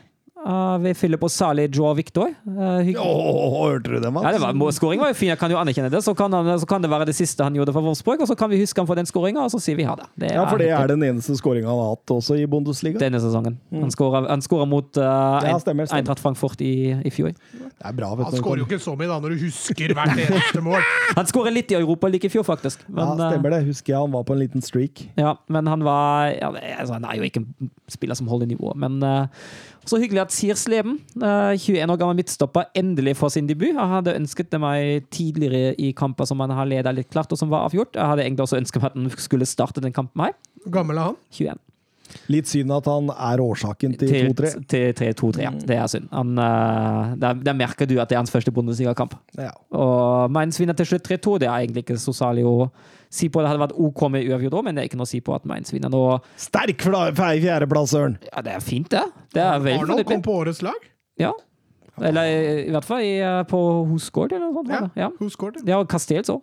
Ja, stemmer. stemmer. Ja. Ja. Men Kicker har vel nå årets lag? Ja, de har det, og det har ikke kommet ennå, tror jeg. Nei. Det kommer nok uh, ganske snart. Uh, og så er jeg jo imponert, må jeg si, over det Bo Svensson har fått til i Mainz. Det kan du trygt si. Altså, Mainz er på tolvteplass etter at uh, Bo Svensson uh, tok over i januar, og da de trolig Det så ut som de var rykka ned. Ja, de var jo på, var jo på høyden med Schalke poengmessig. Og de har under Bo Svensson tatt 1,65 poeng per match, og det er det beste noen managere har hatt i hele klubbens Og da, historie. da snakker vi managere som Klopp og Toril, altså. Ja. Det er ekstremt sterkt. Og hvordan han har gitt det laget nytt liv. Hvordan han har gitt i ganske kort tid en, funnet en taktikk, en spillemåte som fungerer optimalt. Og bare tatt det her og berget det laget ganske trygt. Cruisa inn til trygg plass til slutt. Det er imponerende. Tror du Schalke hadde vært der Mainz er nå, hvis de hadde ansatt Bo Svensson? Å, det er et Det, godt det er et spørsmål. godt spørsmål. Uh, Schalke har jo litt andre utfordringer innad i klubben. Ja, det var litt det jeg skulle fram til. Så har de jo ansatt helt håpløse Ja, ja, typer, da. Så er- jeg vil jo si at hadde han ansatt Bo Svensson uh, i stedet for Christian Gaas, kan det godt hende at uh, Pipa hadde fått en annen lyd. Og apropos pipe, nå skal jeg få Sørens pipe til å Mye lyd? Veghorst eh, ble målløs i sin Mm. eh, hundrende Bundesliga-kamp, men eh, på de 100 kampene har han nådd 53 mål. Og hvis vi skal sette det i perspektiv Lewandowski står på 55 meter 100. Ja, du visste det, ja. Mm. Åh, selvfølgelig veit du det. Hvor gammel er Veghorst, da? Vi er si 20, 28. Ja, så han er litt eldre, da. Ja, han er det. Enn det Lewandowski er. Han er det. Vi må over til Inter mot Odinese, og det, det var ikke langt fra reservelag Conte stabla på beina der, altså. Nei, men det var fortsatt spillerglade reservelag. Alle skulle med på festen. Altså. Ja, og det Inter viser nå etter at de har blitt seriemestere, det er jo, er jo helt dust i forhold til hva de har vist før de ble seriemestere, for nå er det jo nesten gøy å se på Inter innimellom. Absolutt. eh, Ashley Young der som eh, han, Du kan si han tar en grusom smell, men eh, setter inn 1-0 tidlig der når han flyr over Musso. Strålende gjort av Ashley Young. Han viser litt atletiske egenskaper igjen. Ja, absolutt. Til å være 100 år. Og så så satt jeg og tenkte på under denne første omgangen, da, fordi altså Christian Eriksen skårer jo 2-0 på frispark der rett før pause, men så, så, så tenker jeg underveis der For en jobb Antonio Conte må ha gjort. Altså, her sender han omtrent utpå elleve nye. Omtrent. Det var et par Hakimi, men uansett. Og så ser de like forbanna solide ut! Altså, vi, vi dropper Lukaku, Brozovic, hele gjengen. Men det er så solid hele tvers igjennom, og, og det kjennetegner jo en voldsomt god trener, tenker jeg, taktisk og, og teknisk, og åssen han gjør det på treningsfeltet. Ja da, absolutt. Altså, nå skal vi jo ikke skryte Udinese voldsomt opp i skyene her, for det var ikke all verden motstand. De hadde jo heller ingenting å spille for. Og de hadde i tillegg en dårlig form. Men, men jeg er helt enig med deg. Altså, når nummer to og nummer tre kommer inn, og de kjenner taktikken like godt som nummer én, da, da har du lagt grunn, et godt grunnlag, altså. For da, da kan du ta noen skader. Absolutt, og det annenomgangen, det blir jo en ja. ja, Det blir en uh, fotballfest fotballfest. av Inter Milan. ja, absolutt. Det er Martinez setter 3-0 på en, straffe som kanskje var litt soft der, når Hakimi går i bakken. Eh, Perisic gjør eh, 4-0, og Romelu Lukaku kommer også inn og, ja, og, blir truffet til 5-0. Ja, ja komisk, komisk. Men Perisic kan vi hylle litt. Det var fint, da. Det var nydelig. Satt i lengste der. òg. og Pereira gir et trøstemål rett før slutt. Lukaku er på 24 mål og 11 assist, og det er første Serie A-spiller med tosifra mål og assist siden Oppda begynte å samle tall i 04-05 for Serie A, Mats. Det er sterkt. Det er grusomt sterkt. Og, og, og det, det, det, er mye god statistikk eh, for Inter her i løpet av denne sesongen. Eksempel Stefan de Frey, som har 93,8 vellykka pasninger, noe som er høyest i Serie A. Bastoni er den forsvarsspilleren som har satt i gang flest angrep som har leda til mål. Og eh, de fikk til slutt 91 poeng, og det er kun 97 fra 06-07-sesongen som er bedre i klubbhistorien. Sterke tall. Det er sterke tall, og eh, du kan jo si, vi kan klappe oss på skulderen og si, for dette sa vi omtrent fra han ble ansatt, at eh, Contes andre sesong, det blir gull. Du tippa vel Inter også første sesong? Og Juventus i Champions League? gjorde du Ja, stemmer det, stemmer det. stemmer det. Jeg prøvde meg på en smart en. Atalanta Milan, eh, der var det jo et lag som kjørte kampen, og et annet lag som skårte måla. Ja, det kan man eh, trygt si. Og første omgang ender jo opp med å være en ganske sjansefattig affære. Ja, absolutt. absolutt. Og det er to straffespark, Et ett på slutten av hver omgang, som, eh, som gjør grunnlaget til at AC Milan vinner dette 2-0. Frank Kessi, begge skåringer. Ja, så lenge Zlatan ikke spiller, så han viser seg som en veldig solid straffeskytter. Har bomma på én straffe i år. Mm. Og han har vel skåra på Han passerte vel tosifra antall mål på straffer eh, i den kampen her, så han, eh, han har Det er det bare Bruno Fernandes som har gjort det! Eh, Kan ta med at Martin de Ruun fikk det røde kortet i forbindelse med den andre. Ja, det, det, var- det var noe som skjedde der, Det, men jeg tror ikke kameraet fikk helt med seg hva det var. Dytta han ikke dommeren eller noe sånt? Det, det var det som kommentatoren jeg, sa, i hvert jeg også tror det at det var noe fysisk kontakt med Ja. dommeren der. Ja, jeg- Men, men altså, bli så, altså, jeg skjønner at du føler deg litt urettferdig behandla når du taper den kampen der, men altså, Atalanta, Atalanta hadde jo ingenting å spille om. Nei, absolutt ingenting. Altså, det er klart, jeg vet ikke, det er kanskje litt ære da, å bli nummer to eller nummer tre, men uh... Ja, men fortsatt unødvendig. Altså, når du blir utvist nå, så mister jo noen kamper i starten av neste Ja, sesong òg. Det er jo det det som var vel direkte rødt òg? Ja, det var det. Ja, absolutt. Men jeg, jeg, jeg må bare si noen ord om den Malinowski. Det er en spiller jeg begynner å like mer og mer. Altså. Der har de funnet gull. Henta han vel fra Genk i sin tid? Så vidt Igjen har de funnet gull. Ja, Strålende fotballspiller. Han slepen, fin teknikk. Ser litt som blanding ut av kakao og Bruno Fernandes. Trekker inn han på alt. AC Milan, 16 borteseiere denne sesongen. Best i klubbens historie. Kun Real Madrid i 11-12 og City i 17-18 med lignende tall i Europas topp fem-ligaer på 2000-tallet. Ja. Det er voldsomt tall. Det er voldsomme tall. Og Milan er da klar for Champions League for første gang siden 2014. Ja! Den er sterk, Mats. Den er veldig sterk.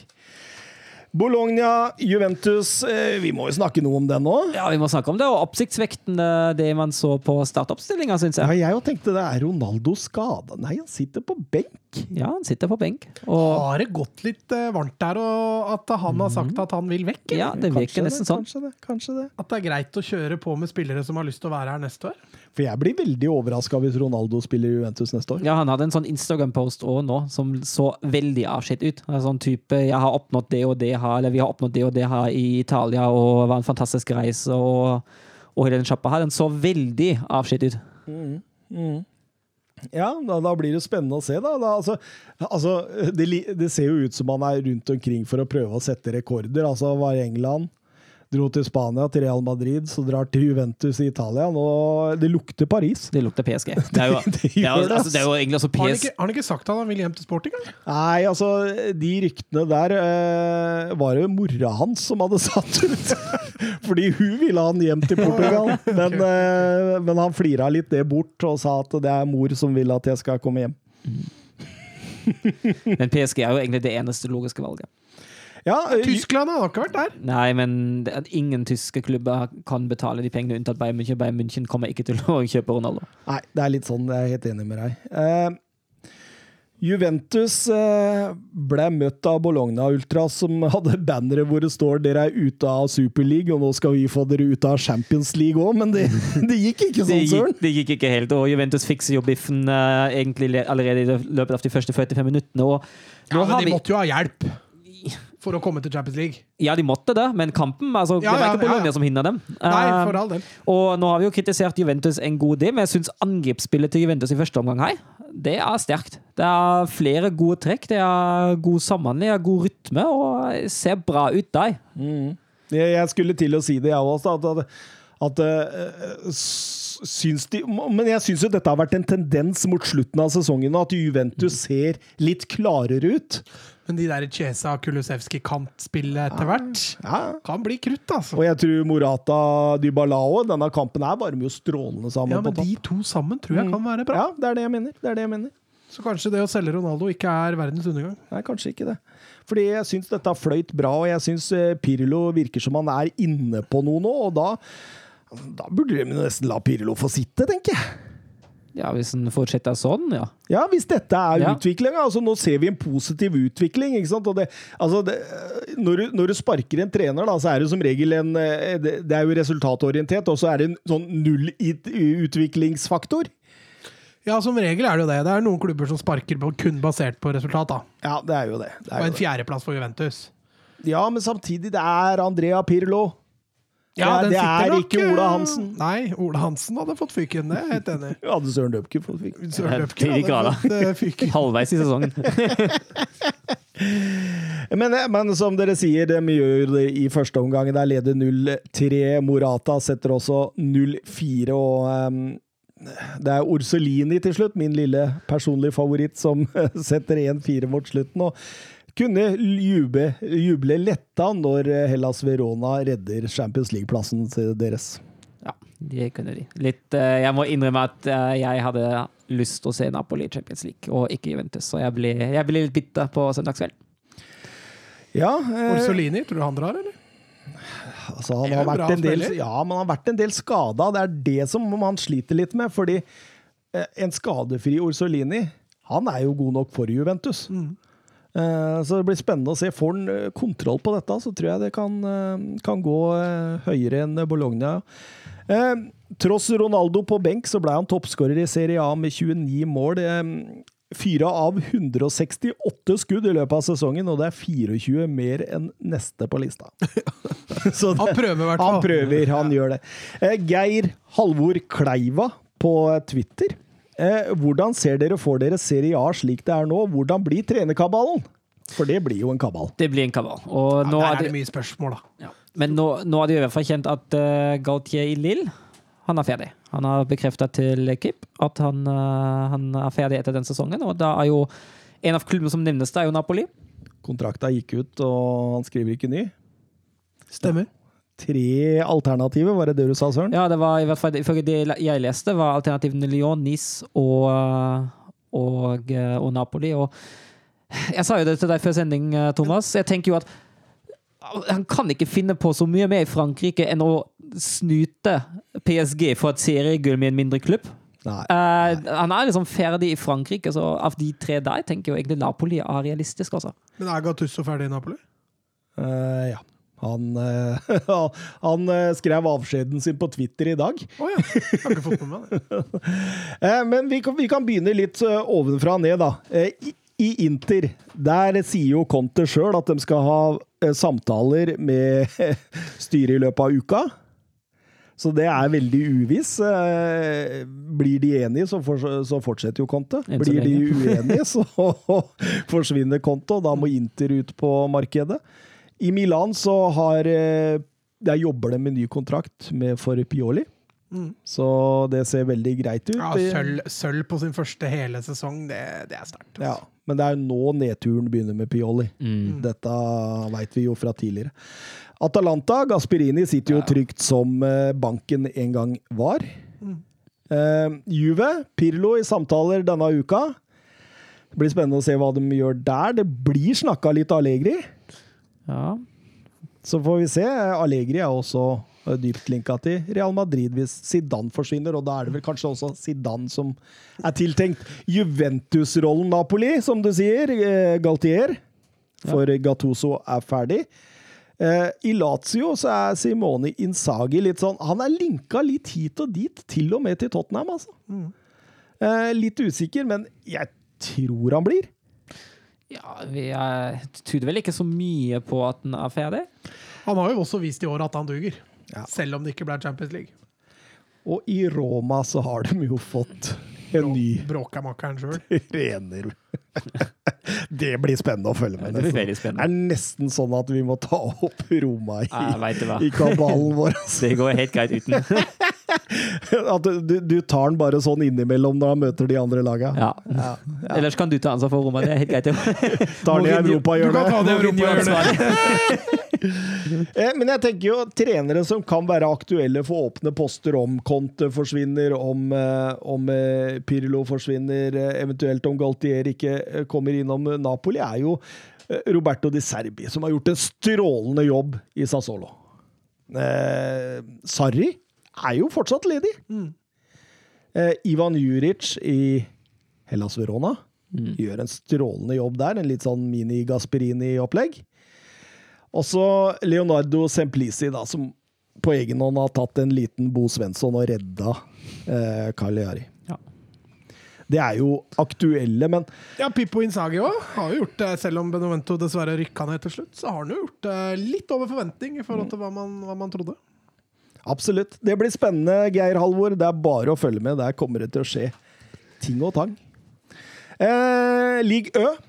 Brest mot Og gullkamp der òg. Ja. Men PSG hadde jo ikke alltid egne hender. De måtte håpe på at uh, Lill avga poeng mot uh, Anger og gjøre sakene sine sjøl mot Brest. Premissene var klare, som dere sier, og jeg syns jo Brest holder god stand i starten av matchen. Jeg syns de sliter litt før de får det straffesparket Neymar setter utafor. Ja, det er jeg enig i. Så du posisjonen til keeper? Hæ? Det må ha satt Neymar helt ut av spill. Ja, han sto helt inne ved stolpen! Jeg tror også Neymar ble satt litt sånn Faen, skal du stå der? Ja! Det der var sjukt, ass!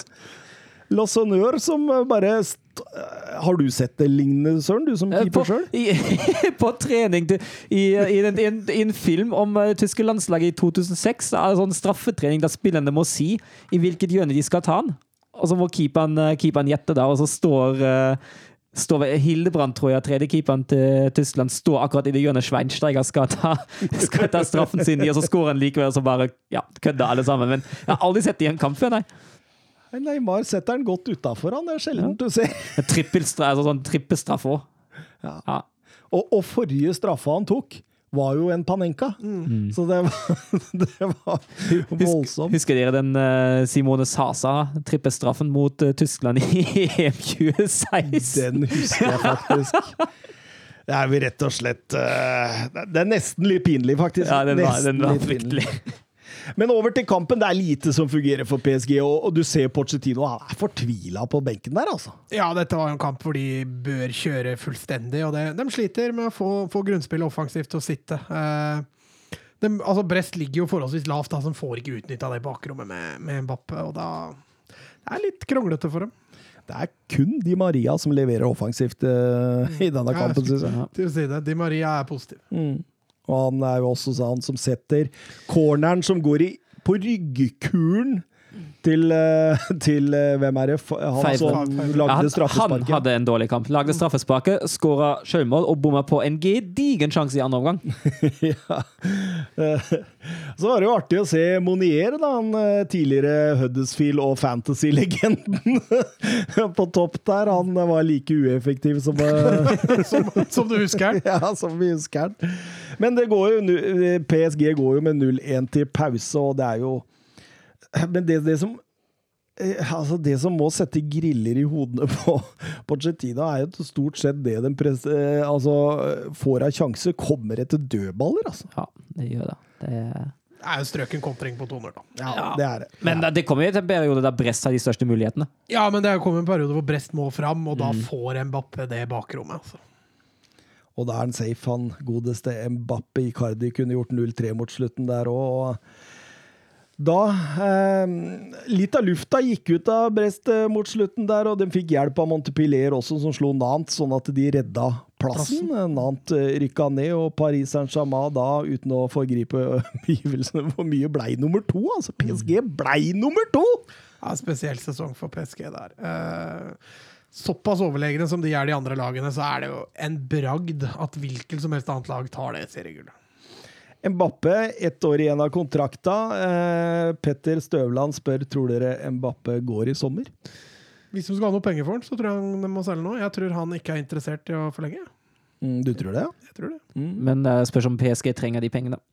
Det er, Nei, det det er, jo nettopp det. Du kan gi hva du hel- vil til PSG, men eh, det, det, altså, er det ikke 2,7% av Qatars sportsinvesteringer, altså, altså av Qatars bruttonasjonalprodukt, som går til dette QSI? noe sånt.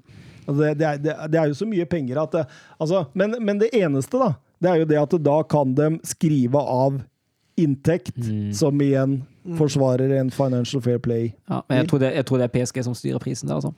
Det spørs Og det. det spørs hvilke, hvilke klubber som har råd i uh, koronaåret 2021.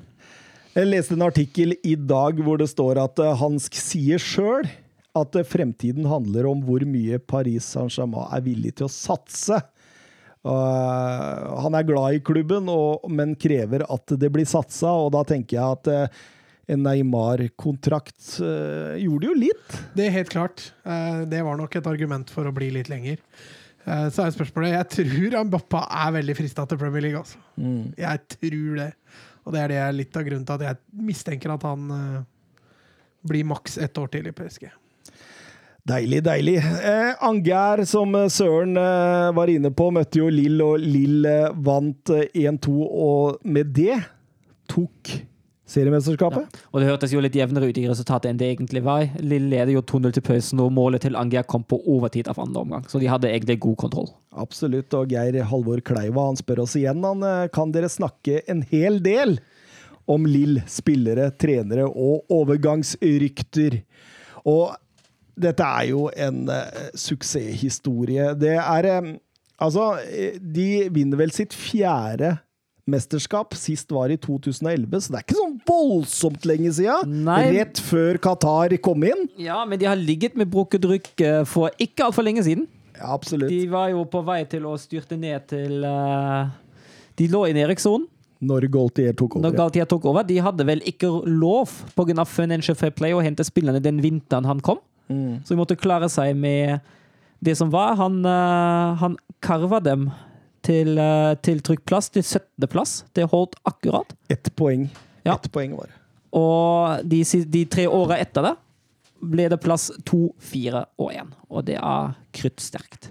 Ja, og hvis du tenker på Gaultier òg, som kom Altså, han kom jo fra eh, Var det ti sesonger Nei, åtte sesonger i, eh, i Sant Mm. Hvor han klarte å få dette Sant 1-laget til å komme på topp ti i tabellen hvert eneste år. Og han fikk dem til Europa hele fire ganger. Han vant cupen, som var Sant Etiennes første trofé på 32 år. Og han satt ut kontraktstida da før eh, Lill kom på banen og sleit. Men, men eh, bak Galtier da, så er jo denne Louise Campos, da, denne karen med de runde brillene og litt sånn mystiske sportsdirektøren som bygde Monaco i sin tid, når eh, Bakayoko og, og Fabinho og, og de gutta Mbappe var vel bare ung. Falcao Falcao, den gjengen der det eh, gjorde det ganske bra i, i Champions League. Og det er jo han som også har stått bak mye av dette i Lill. Eh, nå sa jo han opp i desember i fjor eh, pga. uenigheter med klubben, og er trolig aktuell som sportsdirektør i Real Madrid. Eh, men han sier sjøl han vil til Premier League, så han sitter og venter litt på det. Ja. Det er litt, veldig synd for Lille at de mista begge de hodene bak den suksessen. Ja, og det kan bli litt av klubbens Og nå går man Jan til, eh, Ja. til eh, Altså- AC Milan.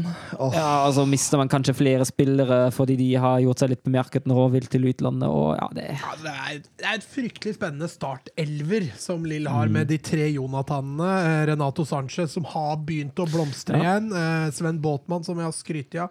Jalot, han portugisiske stopperen. Så dere, eh, bare for å spore her litt, så dere portugisiske landslagstroppen? ja, det var Det- helt altså. Veit du hvor mange stoppere de har med? Nei. Tre. Ja, Font, uh, PP og Diaz? Ja. Og resten er bare bekker og offensiv krutt. Ja, for der er det mye, altså. Ja, Der spiller er, ikke med trebekslinje, dem, det kan jeg love deg. nei, det er, det er helt sinnssykt, egentlig, det der portugisiske det, Og da- da med Celik på høyrebekken har jo også vært uh... Ja, han har vært strålende. Eh, og og jeg, jeg- jeg skal gå litt tilbake til denne Louis Campos, fordi det er jo han som har fått inn spillere som Gaultier har eh, trylla med. Det var altså bare Victor Oshimen, som Ja. de kjøpte for 22 og solgte for 70 sesongen etter. Men eh, det er jo litt det som Galtier har vært så ekstremt god til, at han har alltid funnet de spillerne han hadde, og har funnet det som virkelig gjør dem sterkt. Han har virkelig klart å gjøre hva og en spiller bedre pga. taktikken han har valgt. Mm. Det, det fortjener enormt krutt, krutt for. Absolutt. Og, og, Eh, og spillere som Rafael Leao. Ja. Eh, Thiago Mendes, eh, Bizuma i, i Brighton, som halve Premier League er ute etter. En Nicolas Pepe, som uh, skårte to mål i helga for Arsenal. Og, og Gabriel, ikke minst midtstopperen til Arsenal, er jo spillere som har kommet gjennom dette Ja. systemet. ja, og nå har de jo kanskje først og fremst, som Mats har vært inne på, særlig Bamba. Få en spiller. Få en herlig spiller. Ja, ja, alle disse Jonathanene på topp der syns Ja. jeg er ganske spennende. Men, men altså, genistreken her Geni, ja, og så den- nevne han Benjamin André på midten. Ja, han han var, har vært vært strålende. Men, men genistreken, og du kan på mange måter si Lils Luis Suárez, er jo Yilmaz. 35-åringen som ble henta gratis foran sesongen fra eh, Besiktas, og skårte 16 mål på 28 kamper, og mange av dem var matchavgjørende. Så det har en liten Suárez der også. Så husker vi også Yasichi som eh, herja med Norge i sin tid. Eh, Nei, mye godt, men jeg er litt bekymra nå som både Campos og Galtier er borte. De skal ut i Champions League. Åssen spillere skal man få henta? De er jo ikke i en posisjon som eh, får spillere på øverste hylle. Nei, de må jo fortsette å hente type Jonathan David-typer. Eh, litt skuffa denne sesongen over Timothy Vea. Trodde han skulle slå gjennom litt større grad. Så det var kanskje en liten skuffelse der. Absolutt. Nei, det blir spennende å, å følge med der. Eh, Skal mye til for at de vinner neste år òg. Det tror jeg. Veldig mye. Jeg tror det skal gå eh, Jeg er villig til å sette noen kroner på at Lill ikke vinner Men er du villig på å sette kroner på at de ikke når Champions League? For neste det år. kan, ja, det kan være et uh... Nei, det er jeg ikke. At, eh, altså, hvem er jeg, jeg tror jeg kunne gjort det. Det er, jeg vil først se hvem som kommer inn som trener, før jeg sier Ja, noe det sånt. er for tidlig nå, men eh, du har liksom Ryan altså, Mason. ja.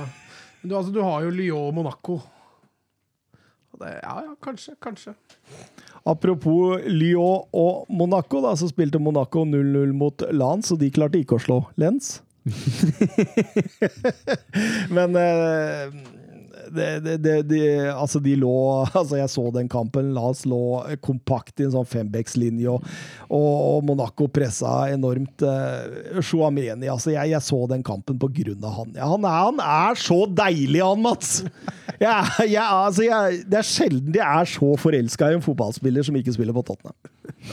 Han, det, det, det er helt enormt. Jeg håper de klarer kvaliken, sånn at han får eh, Champions League-kvaliken, sånn at vi får se han litt der. Og, men det er jo Niko Kovac som styrer dette, Søren, og du kjenner jo til han. Ja, jeg kjenner til han. Men eh, en, altså, jeg føler jo det som, det som Niko Kovac er jo brukbar til, er å få noe ut av et lag når det ikke nødvendigvis må være det agerende og angripende laget. Eh, Det var jo den balansen som, eh, som jeg syns han eh, bomma på i Bayern. At han ikke klarte helt å finne en balanse mellom nå skal vi dominere og samtidig være trygge defensivt. Det så mye bedre ut i Frankfurt da han faktisk kunne satse litt mer på overganger og alt det, uten å måtte styre kampen sjøl nødvendigvis.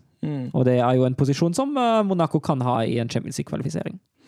Og for å ta med det også, så tapte Lyon på hjemmebane mot NIS, hvor Arsenal-leiesoldaten eh, Saliba skårte seiersmålet eh, rundt timen spilt. Og det var siste sesongen til Rudi Garcia i Lyon. Nå skal de ut etter uh, ny trener der også. Ja. Uh, blir linka til Patrick Vieira. Oi da. Så det får jo meg til å tenke mitt, Mats. Ja. Det skjønner jeg. Vet du hva Wolfsburg er lenka til uh, Mark van Bommel, som har feila fullstendig i PSV. Så oh. Men han er fortsatt litt ubeskreven, da. Ja, men altså, det som, det som jeg frykter litt med, med, med van Bommel, da, det er jo at uh, Wolfsburg og PSV på den tida altså Når PSV i den nasjonale sammenligningen styrer klubben klubb Wolfsburg er i Tyskland, for all del. Men utgangspunktet det var ikke sånn veldig forskjellig i PSV som det er i Wolfsburg nå. Eh, og det klarte han å ødelegge ganske kraftig. Uh, etter, altså, det startet jo brukbart, og så gikk det ganske fort ganske nedover. Og eh, jeg vet ikke, jeg føler at når man er Wolfsburg er jo egentlig en forholdsvis attraktiv klubb. Har jo økonomien på plass, spiller Champions League nå. Uh, bør sikte litt andre steder enn Mark von Bommel. Det vil jeg si meg enig i. Jeg vil ikke gå dit. Nei, og jeg merker allerede nå at eh, hvis det blir Van Bommel, det blir en frustrerende neste sesong. Der sitter jeg og har Men- mye mer gretten. Men OK. Yogi Løv eller van Bommel? Eh, løv, Ja. faktisk. Ja. Eh, Selv om jeg ikke er den største Løv-fan heller. Helst ingen. Men, Men det går noen rykter om at Løv kan ta over Real Madrid òg. eh, så på, så. Ja, som Barca-fan så ønsker vi vel det. Ja, velkommen, velkommen, gjør du ikke det? Ja, Jo, jeg tror det. Er liksom, hva, når var det han hadde et klubblag sist, da? Åh, det er en evighet siden. Han har vært tysk landslagstrener siden 2006, og før det var han Klinsmanns assistent siden uh, 2004. Hvilket klubb var det han hadde da? Forbundsmann. han. Ja, jeg vet ikke. Jeg vet det var i Stuttgart i, i 98-99. Nei, 97-98, og det feila, feila ganske godt. Altså, vet du hva, Jeg husker faktisk ikke hvor han var før. Jeg kan sjekke. altså. Det husker jeg faktisk ikke. Det må jeg innrømme. Husker Nils Johan Sembo? Hadde vel Du, ikke du kan sjekke, Søren, fordi eh, nå skal vi over til europahjørnet, og der er jo du gått fri i dag, fordi Ajax har er jo er ferdig. Nederland ja. har avslutta sesongen. Eh, Så Mats, eh, du, du er ikke helt ferdig ennå. Du ble ferdig i helga? Det stemmer. Da Ja. var det over og ut. Eh, Anderlecht, altså. Vi må presisere Det var Anderlecht. De vant altså ikke en eneste kamp i dette sluttspillet. De, og jeg må jo ærlig innrømme at jeg har ikke blitt frelst av Vincent Company og den fotballen han spiller. Altså, åpenbart possession-orientert fotball, men uten den helt store gjennombruddskraften, og uten de helt store eh, hva skal vi si, eh, X-faktorene. Altså, Jari Versaren byr litt på seg innimellom. Men eh, stopper litt ofte, da. Uh, Mecha blir jo Altså, han er leid inn, forsvinner neste år. Han må erstattes, ellers er lest. ordentlig i eh, trøbbel. Eh, kampen nå mot eh, Antwerpen. Eh, Anderlecht starter jo som vanlig, har mye ball, eh, kontrollerer kampbildet sådan, og så ødelegges det jo hele med et ganske tidlig rødt kort på, på Miaska. Eh, litt billig i mine øyne. Han er eh, blitt tatt som sistemann, tror jeg dommeren karakteriserer det som. Eh, men det er såpass langt ute på banen at jeg er ganske sikker på at eh, noen hadde greid å tatt den igjen. Og derfor blir for meg det røde kortet litt strengt. Og det ødelegger jo litt kampen for Anderlecht. Plutselig blir det en jevnere kamp sånn possession-messig. Antwerpen får lov til å styre mer ball, og så er det og så er det en dødball eh, Nei, unnskyld. Eh, så er det ettertrykk av en dødball hvor innlegget havner tilbake igjen hos Didier C eh, på Antwerpen, som header inn eh, 1-0. og Anderlecht sliter med å skape noe særlig mer etter det. Så det er, det er for så vidt en fortjent seier til Antwerpen i en, i en relativt kjedelig fotballkamp. Altså. Så eh, Greit nok at de nå tar ferie. Jeg syns Anderlecht har sett ut som de har vært på ferie egentlig hele tida mens jeg har fulgt dem. Eh, og håper at de klarer å by på noe litt annet hvis de skal fortsette å følge dette. Det, Vi, vi må jo fortsette med europahjørnet, men du eh, Jeg føler jo at Sporting og Ajax er ganske spikra. Mm. Men hvis du finner et annet lag du har lyst til å følge ja, Wisla Krakow. eh, Ja, der har vi vært.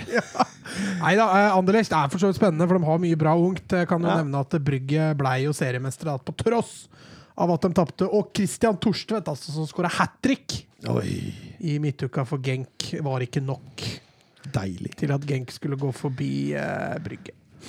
Søren, du har funnet Jo Yogi det, det er ikke rart at jeg ikke husker hvor han var. Eh, Det stemmer at han var 97-98 i Stuttgart. Han vant jo cupen med dem som trener i 97, 96-97-sesong, og så fikk han fyken etter 97-98-sesongen. Så gikk veien videre til uh, Fenerbahçe. Eh, Mange tyske trenere som drar sånn til Ja. Og så var han i eh, Karlsruhe. Da gikk det fryktelig dårlig. Eh, Fikk han, uh, fikk han fuken ganske snart òg. Så gikk, dro han til Adanaspor i Tyrkia igjen. Ja. Uh, Nedrykkstrua klarte ikke å, å snu den trenden og var, trakk seg sjøl ganske kjapt. Uh, så var han i Tirol, Innsbruck, et lag som ikke eksisterer lenger, men da klarte han seriegull. Og så gikk han videre til Østria Wien, og da fikk han sparken mens han var, eh, mens han var serieleder. Men det høres jo nesten ut som karriera til han der med bart. Han der altså åh. Han med bart. Ja, han der er- Rudi Føller? Nei, Nei? han der er som eh, Å, nå!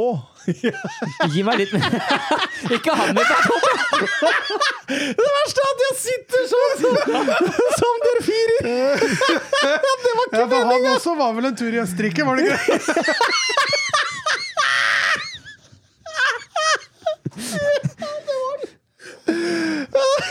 Han begynte karrieren i Østerrike. han. Hvem med bart tenker du på? Jeg tenker på han Hva er han het, han som dro til Besiktas hele tida? Christoph Daum, da. Daum, Christoph Daum. Det hørtes ut som hans karriere. Si han med, han med narko, da. Ja, stemmer. Det var narko og sånt, ja. Det var det jeg skulle fram til. Men det var bare dette jeg kom fram Nei, altså, nå, nå, altså, jeg har ikke inntrykk av at Løv i eh, 2021 hadde vært en god klubbtrener. Jeg tror egentlig ikke det. Eh, Du sånn mot en tysker! Han der med bart, vet du. Han der, han der er lille fra Østerrike. Eh, Beklager, Søren. Det, det, det var ikke meninga. Nei, det er ikke noe sted. Nei, men, men ja, nei, jeg vil eh, som sagt Jeg mener ikke at Løf hadde vært et godt valg som, eh, som klubbtrener, egentlig. Så Nei, helst det blir ikke. spennende. Det blir spennende. Han må jo, ut på, han må jo sikkert ut på markedet, han òg. Ja, hvis, han, eh, vil, han, eh, han, Han er en forbundsmann, da. Det virker jo nesten sånn. Ja, en sånn i, Nils eh, Johan Semb-opplegg. DFB veldig, veldig lenge. Og han, eh, han er jo 61 år gammel. Ja. Så eh, hvis han ikke vil, da tar han det med ro. Det er sånn jeg sier til dattera mi på fem år liksom, Ikke pell deg i nesa, du er fem år. Eller, nå er hun blitt seks, da. Ikke pell deg i nesa, du er seks år. Nå, tenk å si det til han, da! Ikke pell deg i nesa, du er 61 år gammel! Og i hvert fall ikke spis dem etterpå! Jeg tror det toget har gått, jeg.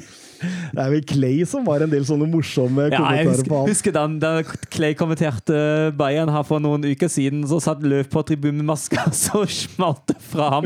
Ja, nesa er ikke tilgjengelig under den maska da. ja, det. Eh, Videre i europahjørnet, Sporting Lisboa. De var jo egentlig ferdig, de også, men de blei ferdig i midtuka. Eh, De slo Maritimo. Hele 5-1 var totalt overlegne fra start til slutt. Spilte rett og slett champagnefotball, og Pedro Gonsalves eh, han krona det hele med et eh, hat trick. Det var også et selvmål der, og Gonzalo Plata, en 20 år gammel spiller fra Ecuador, som ikke har fått altfor mange sjanser, satt det femte. Eh, Veldig morsomt. Pedro Gonsalves tatt ut på det portugisiske EM-landslaget. Det så jeg. Og det er hans, i så fall hans første eh, innkallelse. Eh, ser ut som det begynner å stige der, Mats. Ja, men også så er det jo nå lov å ha med 26 spillere. Ja. Eh, og Portugal, som vi nevnte tidligere, de har jo bare tatt med tre stoppere. Så når du ser den offensiven til Portugal, så er jo det spinnvilt. Han skal jo gjøre en jobb for å komme inn på det laget. Altså, Ja, det var få noen minutter, ja. altså Bernardo Silva, Bruno Fernandes altså, Dette er noen spillere han konkurrerer med. liksom. ja. Eh, andre sportingspillere som ble tatt ut i den troppen, var Nuno Mendes og Joao Parinha. Og da, var, da er det jo de tre spillere jeg nevnte som de største salgsobjektene, salgsobjektene i eh, Det blir spennende å se. Altså, og når jeg, når jeg bare fikk det der portugisiske troppen foran meg, så tenkte jeg dette her kan vinne EM. Ja, det er, jeg holder jo også sånn, Hvis du ser bare på spillematerialet, holder jeg Frankrike og Portugal som de største favorittene. Men Portugal tror jeg er veldig avhengig av Ruben Diaz. Altså. Ja. Skulle han bli skada eller suspendert i en viktig kamp, da tror jeg de er litt ute å sykle med en gang. PP og Font det er ikke ja. Det er ikke samme kruttet, det. altså. Nei, det er ikke det. det, er ikke det. Eh, Jørgen Be Ready, lytterlegenden på Twitter, han eh, sier 'min favvispod'. Det er hyggelig. Det er hyggelig. Kan dere kjøre en preview av finalene denne uka? Eh, da begynner vi jo med kampen i morgen, eh, Europaliga-finalen mellom Villarreal og Manchester United, som settes i gang klokken 21.00.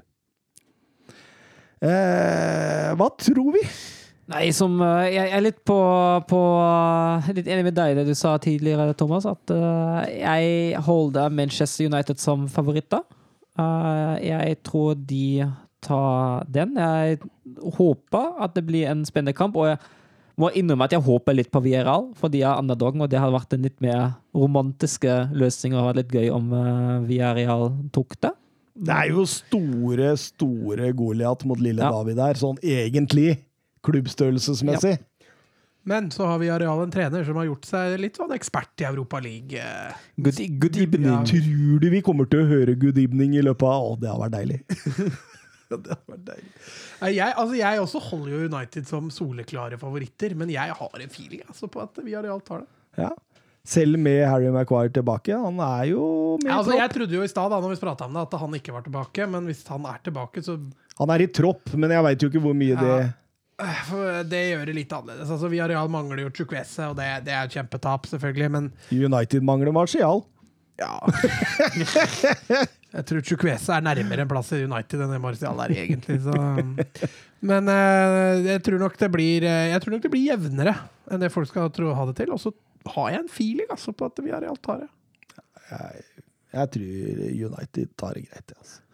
Jeg gjør det. Eh, men etter hovedretten så kommer desserten, og det er Champions League-kampen klokken 21.00 lørdag kveld mellom Manchester City og Chelsea. Og Manchester City totalt skadefri. Chelsea fikk noen bekymringer nå. Kanté kan, ikke, kan være at han ikke rekker kampen. Det samme med Mendy. Ja, jeg syns jo, syns jo en Conté, for eksempel, han hadde jo, uh, han hadde jo kanskje hjulpet altså, i den kampen mot Esten Villa. han var jo litt savnet.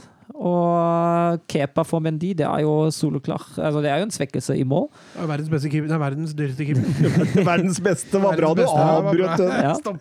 Men, men, men, men Mats har jo sagt det tidligere, at eh, når Chelsea møter god motstand, så er Kanté ganske viktig. Ja. Kanté-tapet der, hvis han ikke spiller, da er det er krise, altså. Mm. For det rommet han dekker, må et så ballsikkert City-lag Og du så hvor viktig han var på Etihad når Chelsea vant over City. Mm. Det er et, eh, det er et kjempetap, spør du meg, for Chelsea. Altså, jeg medholder fortsatt City som favoritt, jeg, uansett om Canté spiller eller ikke. men de forskjellene er litt mindre med Kanté på banen. Altså. Han har en tendens til å utjevne motstanderens eh, fordeler. Jeg tror også City tar det. City har vært i stand til å spille seg inn ganske godt. Det- Det virker jo sånn at City har holdt, eh, holdt spenningsnivået ganske greit gjennom de siste kampene nå. Bare kontrollert, vet du. Ja, og Nei, jeg tror ikke at, uh, at uh, Guardiola glipper den han nå. Altså. Men Tuchel skal ikke undervurdere den. Nei, nei, nei. Han, han, har, han har noen verktøy i skrinet, han. altså. Eh, Veldig veldig dyktig manager, og han har jo et godt lag. Det skal jo sies. Og det er, skal ikke mye Altså det er bare én kamp det er snakk om, og det skal ikke mye til for at det går den ene eller andre veien. Chelsea skårer jo ikke mer enn to mål, da. Nei, nei, det gjør de jo aldri. Skulle City greie å få to mål, så er de jo sikra i hvert fall ekstraomganger og straffekonk. Hvilken, eh, på en måte Hvis du var Tuchel, eh, det defensive driter vi i, og så satser vi det. Hvilken offensive spillere, hvordan ville vi satt opp? Jeg er litt usikker på om jeg ville hatt inn Pulisic, men jeg ville nok i hvert fall hatt uh, Havertz og Mount. Som Så- to bak en spiss, eller? Ja, altså Hvis du drar inn Pulisic, da, så blir jo Havertz fast nier. Drar du inn Werner, så kan det jo hende at du kan spille litt annerledes. Men eh, det blir jo da enten Havertz, det blir Havertz og Mount, og så enten Werner eller Pulisic. Jeg lurer på om jeg hadde faktisk tatt inn Werner som spiss i den kampen, der for å prøve å utnytte bakrommet.